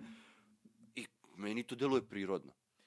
Razumem, mislim, Pa, kao, mislim- okej, ne, ne, ne znam čemu to Da. kao... a, Argument prirode je inače opasan. Kao Tako malo je. pre što smo rekli, ono, naciju, problem sa ono kao formiranjem nacije je u tome što kogod ima moć, ono, možda ubacuje, znaš, kao lopatom, šta god hoće. Isto je tako i sa prirodom. Tako je. Pošto u suštini služi za legitimaciju odnosa dominacije, Tako je. naravno da će nju da se upiše, Odmah da- znaš, kao ono Do, normalno je, legitimiše, prirodno je da je muškarac bude dominantan, da. da... I onda je sad ide ceo čitav dranguljarijom, ono, kao oko toga. Da, muškarci više nisu ono Muškarci, što su nekad prirodno je da bili. muškarci biju žene. Prirodno je muškarci budu ovo, muškarci budu ono. Da muškarci Prirodom može da se legitimiše sve. šta god hoćeš, tako I u tom smislu priroda je potpuno besmislen argument za bilo šta. Tako je, tako je. Za nas ljude. Posebno za nas ljude. Pošto mi po, sami po sebi nismo trebali... Da sami po sebi, prosto ono kao biti čovek znači biti emancipovan od prirode. Tako je. Jer ono, priroda je nužnost. Priroda je Tako je. to, pro, biološki proces preživljavanja. Mi ljudi smo stekli tu mogućnost i zato smo napravili ovo što sve smo napravili, društvo, tehnologiju, ovo ono. Tako je, ali to je ono kad mi dolazimo i sad pričamo o nama ljudima na nivou instinkta. Znaš, kao, mi ljudi opasno, smo jako opasno. a, poligamna stvorenja, nemam pojma. Opet, isto, isto to. Čekaj, ali to je opet stvar, e, razvio si dovoljno svest, da, možda ti kibicuješ na drugu ženu i imaš potrebu za drugom ženom na, na nivou nesvesnog, ali si ti razvio svest zbog toga da ti možda izabereš da budeš monogaman. Naravno, ne I- samo to. i opet je to stvar mi izbora. Funkcionišemo i prema društvenim normama. Tako Mi je. nismo samo ono automati koji proizvode neku prirodu koja to kulja. To, Tako to je. je u suštini malo Freud. Ono, Fr Freud je... Um, id je um, je. ekspres lonac koji sam što nije eksplodirao i ne do Bog da eksplodira, ko zna šta će da bude. Super ego, to su društvene norme, ono, koje postoje onkraj, izvan Tako je. pojedinca, a kad se te dve stvari sudare, dobiješ zapravo ego. dobiješ ego. To je ono Tako što je. smo mi, jel? Tako je. Ja nekako u tu strukturu nikad nisam, nikad nisam ono proguto, znaš, kao potpuno. Imam utisak, znaš, kao da zapravo i ta struktura je politički malo neskodna. Jel? Tako je. Jer, sta, jer ima taj koncept htonskog. A, id, koji to, šta li će da bude kad ekspres lonac eksplodira, Tako znaš. Šta- I da onda iz tog zapravo može da se legitimiše sve i svašta. Ja i dalje mislim ono kao, kategorije prirode ne sme da se koristi. Po znacima navoda ne sme da se koristi. Ne bi trebalo. Trebalo bi da budemo veoma oprezni kad koristimo kategorije, je. kategoriju prirode za bilo šta kad govorimo o društvu. Tako je. Društvo po defaultu je emancipacija od prirode. Tako je. Mi smo... Total, totalna odvojenost od prirode. Da, da, da. Mi smo društvo baš zato što ne moramo nužno da se Tako ono Da ponašamo idemo i da lovimo- biologije i Tako da je. lovimo, znaš, ono I da Znaš, čuvam tako, ženku koja da. gaji decu. A tačno Mislim, to, tačno to. Mislim, ima postoje, znaš, kao ono, mislim, čudni su ti, ono, uh, čudni su putevi te, te nove desnice, to je stvarno jedna suluda, ono, tvorevina. Da dolazimo da se to da se vratimo na ka- vraćamo na kameno doba, ja idem i lovim Da, da, hranu bukvalno, i ja ću ono, da privre. Tu se traže, A čekaj, ono, kao a šta ako nađem, al šta ako nađem devojku ili sutra ženu koja ima određenu ambiciju da uspe u svom poslu i da želi i da rodi dete i da bude majka i da bude uspešna u svom poslu. U čemu je tu problem? Ba, ja ne vidim, ne znam što Razume? mene pitaš. Da, ali ne, u čemu je pra- mislim, ne, nije, ne, stvarno, mislim, to meni dolazi do, do, do, do, Ne, kontam, do, kontam, do, do ali- čačkanja, ja čačkanja znam dok šta je mića, problem. razumeš? Ja znam šta je problem. E pa to, Barem ja pretpostavljam ono. Jer e, taj proces ono uh, emancipacije žena koji traje stotinama godina i nije se završio time što su žene dobile građanska prava. Jer nije se zapravo završio. Uh, žene su dobile građanska prava i uzmeš statistiku, znaš, rukovodeće pozicije, gde god, u kojem god, ono, kao kad, ono, i dalje se nije pogledaš. prevazišlo to da, korporacijama, političkim strankama. da te pitaju jel si rađala kad dođeš Naravno, na posao. Da. To je problem. I dalje, da, postoji taj realan problem, ono kao, dođeš na posao, pitaju te, ono kao, e, kao, znaš, imaš dete ili nemaš, ili planiraš ili ne planiraš. Pa onda postoji ta institucija za koju se nadam, ono da je sve, ma, ono, sl, slabije, ono, sve manje i manje pojava, to ono, onaj blanko, otkaz i to, što kao se, ono, kao, većina žena pre, ne znam, ja, 5-10 godina, ne znam, kad, kao potpisivala kad počinje da radi, blanko otpis, pod, ono, potpiše i kao ako ostane u drugom stanju, doviđenja, znaš. Da. Ovaj, ali fora u tome, u toj emancipaciji jeste da zaista ona ne može besplatno. Ako dolazi neka konkurencija u radu, u politici, u ovom, onom, znaš, kao, do tad privilegovana grupa mora da se, ono, kao, pretvori u neku defanzivnu formaciju. Tako je. I, znaš, kao, savremeni, ono, taj, ma, mačistički, ne znam ja, kakav, ono, ono, kao, da, da, da, Ja, ma, mislim, svakako bi ga ono, ali on čini zapravo osnovu te moderne savremene desnice, jel? Da. Jednu od tih osnova, jel? Ovaj, jeste u velikoj meri defanzivna stvar. Oni zapravo brane neke privilegije za koje, ono, bile imaginarne ili ne, to, znaš, kao teško sad, kao i raščivijati, ono, kao da li su ovakve ili onakve. Pa do- to ono da do, dolazi do toga da savremeni muškarac to. dobija još d- pored drugog e, muškarca, pored sebe još jednu vrstu konkurencije, a to je žena koja dolazi sa Da, da, apsolutno podjednakim kapacitetima za određeni posao i kao ti, da Za ti osjećaš većinu, mislim, znaš, Tako je, to da ti osjećaš da. svoje dupe ugroženo, razumeš? I ti, u suštini, tu dolazi do toga da određeni muškarac mora da ima sad i veću snagu nego što je imao dok je žena bila isključena i Ajde, u suštini ovde ćemo ovako da stanemo, pošto smo već otišli u ono, probili smo sve maksimalne rokove, a kao mi kad, ja kad pogledam u suštini, mi smo tek za, zagrebali neke površinske stvari u određenim A kad temama. pogledaš u sat, onda je... A kad pogledaš u sat, mi- mislim kao, to, to su stvari o kojima može da se predaje Da, i da, da, satima, i satima, i danima. Mislim, ajde nešto što smo možda malo detaljnije razradili jeste ta priča o toj nekoj industriji mode i o toj nekoj... da. To smo ga... da ba- tu- to baš ono da. A ovo sve ostalo može da se priča o svakoj stvari koje smo pomenuli poprilično detaljno. Da, da. A, mislim, ja moram priznam, ono kao, bilo mi je baš fino. E, Eto, dogovorili smo ono kao par nekih ono kao tema kao za neki, par neki u butu. i tema, ono, tema kad- možemo da uzmemo i sad kao da, da. posebno da, Da, da, da. analiziramo do detalja. Mhm. Tako da to ono, svaka tema zaslužuje poseban podcast, ali što da ne i ovako početi Ne, sa ne, njim. mislim, meni, meni je ovo ono, ono, odlična forma, ja moram priznati, ono, nisam do sad ni na jednom podcastu učinio. Da, Čestvovao, čestitam, jel? čestitam. Ovaj, da, da, eto, nek mi je sa srećom, jel? Ovaj, ali... znaš kakva će ti ovo odlična vratu- je zapravo forma, jer, uh, uh, mislim, ona... Uh, sabijena forma klasična nekog ono kao da li Intervjua ili šta god. ovog onog kad, to je baš onako malo i ne stigneš on ni da ono kao razvežeš jezik ljudski već ja kraje znaš Da, ovde I čak stigneš i da zaboraviš šta si hteo da kažeš. Tačno tako, evo, stigli smo i do toga da, znaš, kao ono, već više, znaš, kao ne Već mogu više da- mozak ne radi. Ne da. radi mi više mozak, da, da. Sutra će, nadam se, proraditi, ono, pišem neki tekst, ali dobro. Dobro, Stefane, hvala ti puno što si gostao kod Hvala mene. me zvao. ispričali smo se, boga mi, dobrano, tako da vidjet ćemo šta će od ovoga svega da nastane. Ba- A, drago mi što ono kao imamo jedno ozbiljno onako šk- škakljivih priča koje su onako zanimljive. Meni je ovo bilo jako zanimljivo i mislim da o nekim stvarima stvarno treba se priča i da se čuje. Pa makar se ono kao i ne slagali, ali bar da nekoga pokrene da, na da, razmišljanje o da, određenim stvarima, razumeš? Jer mislim da sad, ajde ono kao i politički, da smo mi zajednica koja je, aj priča, pričamo o Srbiji, koja je politički neobrazovana u potpunosti. A, da, da oni ne znaju sobstvena prava, a, ne samo što se tiče posla i onoga što smo mi pričali, nego što se tiče i sad a, glasova i što se tiče toga da mi gledamo ljude, mislim, to je već Da, da, posebna da, tema o kojoj ću pri, sad Da. pričati u nekim sledećim podcasta sa jednom gošćom, tako da, a, Jedva čekam da čujem. e, da, mladom osobom pre svega. To, to ono što je važno, daj starosnu diskriminaciju da izbacimo konačno, razumeš, da, da, da se čuje malo glas ma, mladih. E, znaš, meni, meni si starostnu diskriminaciju s ove druge strane, ono, izbacio. Izvini, ali kao... ne, ne, šalim se. Ne, ne, mislim, ne. Ne, nego zato što sam kao sve češće počeo da dobijam te komentare kao 24 godine, 22 godine i kao, pa Za dobro. koga? Pa ne samo za sebe, nego za sebe, između ostalog.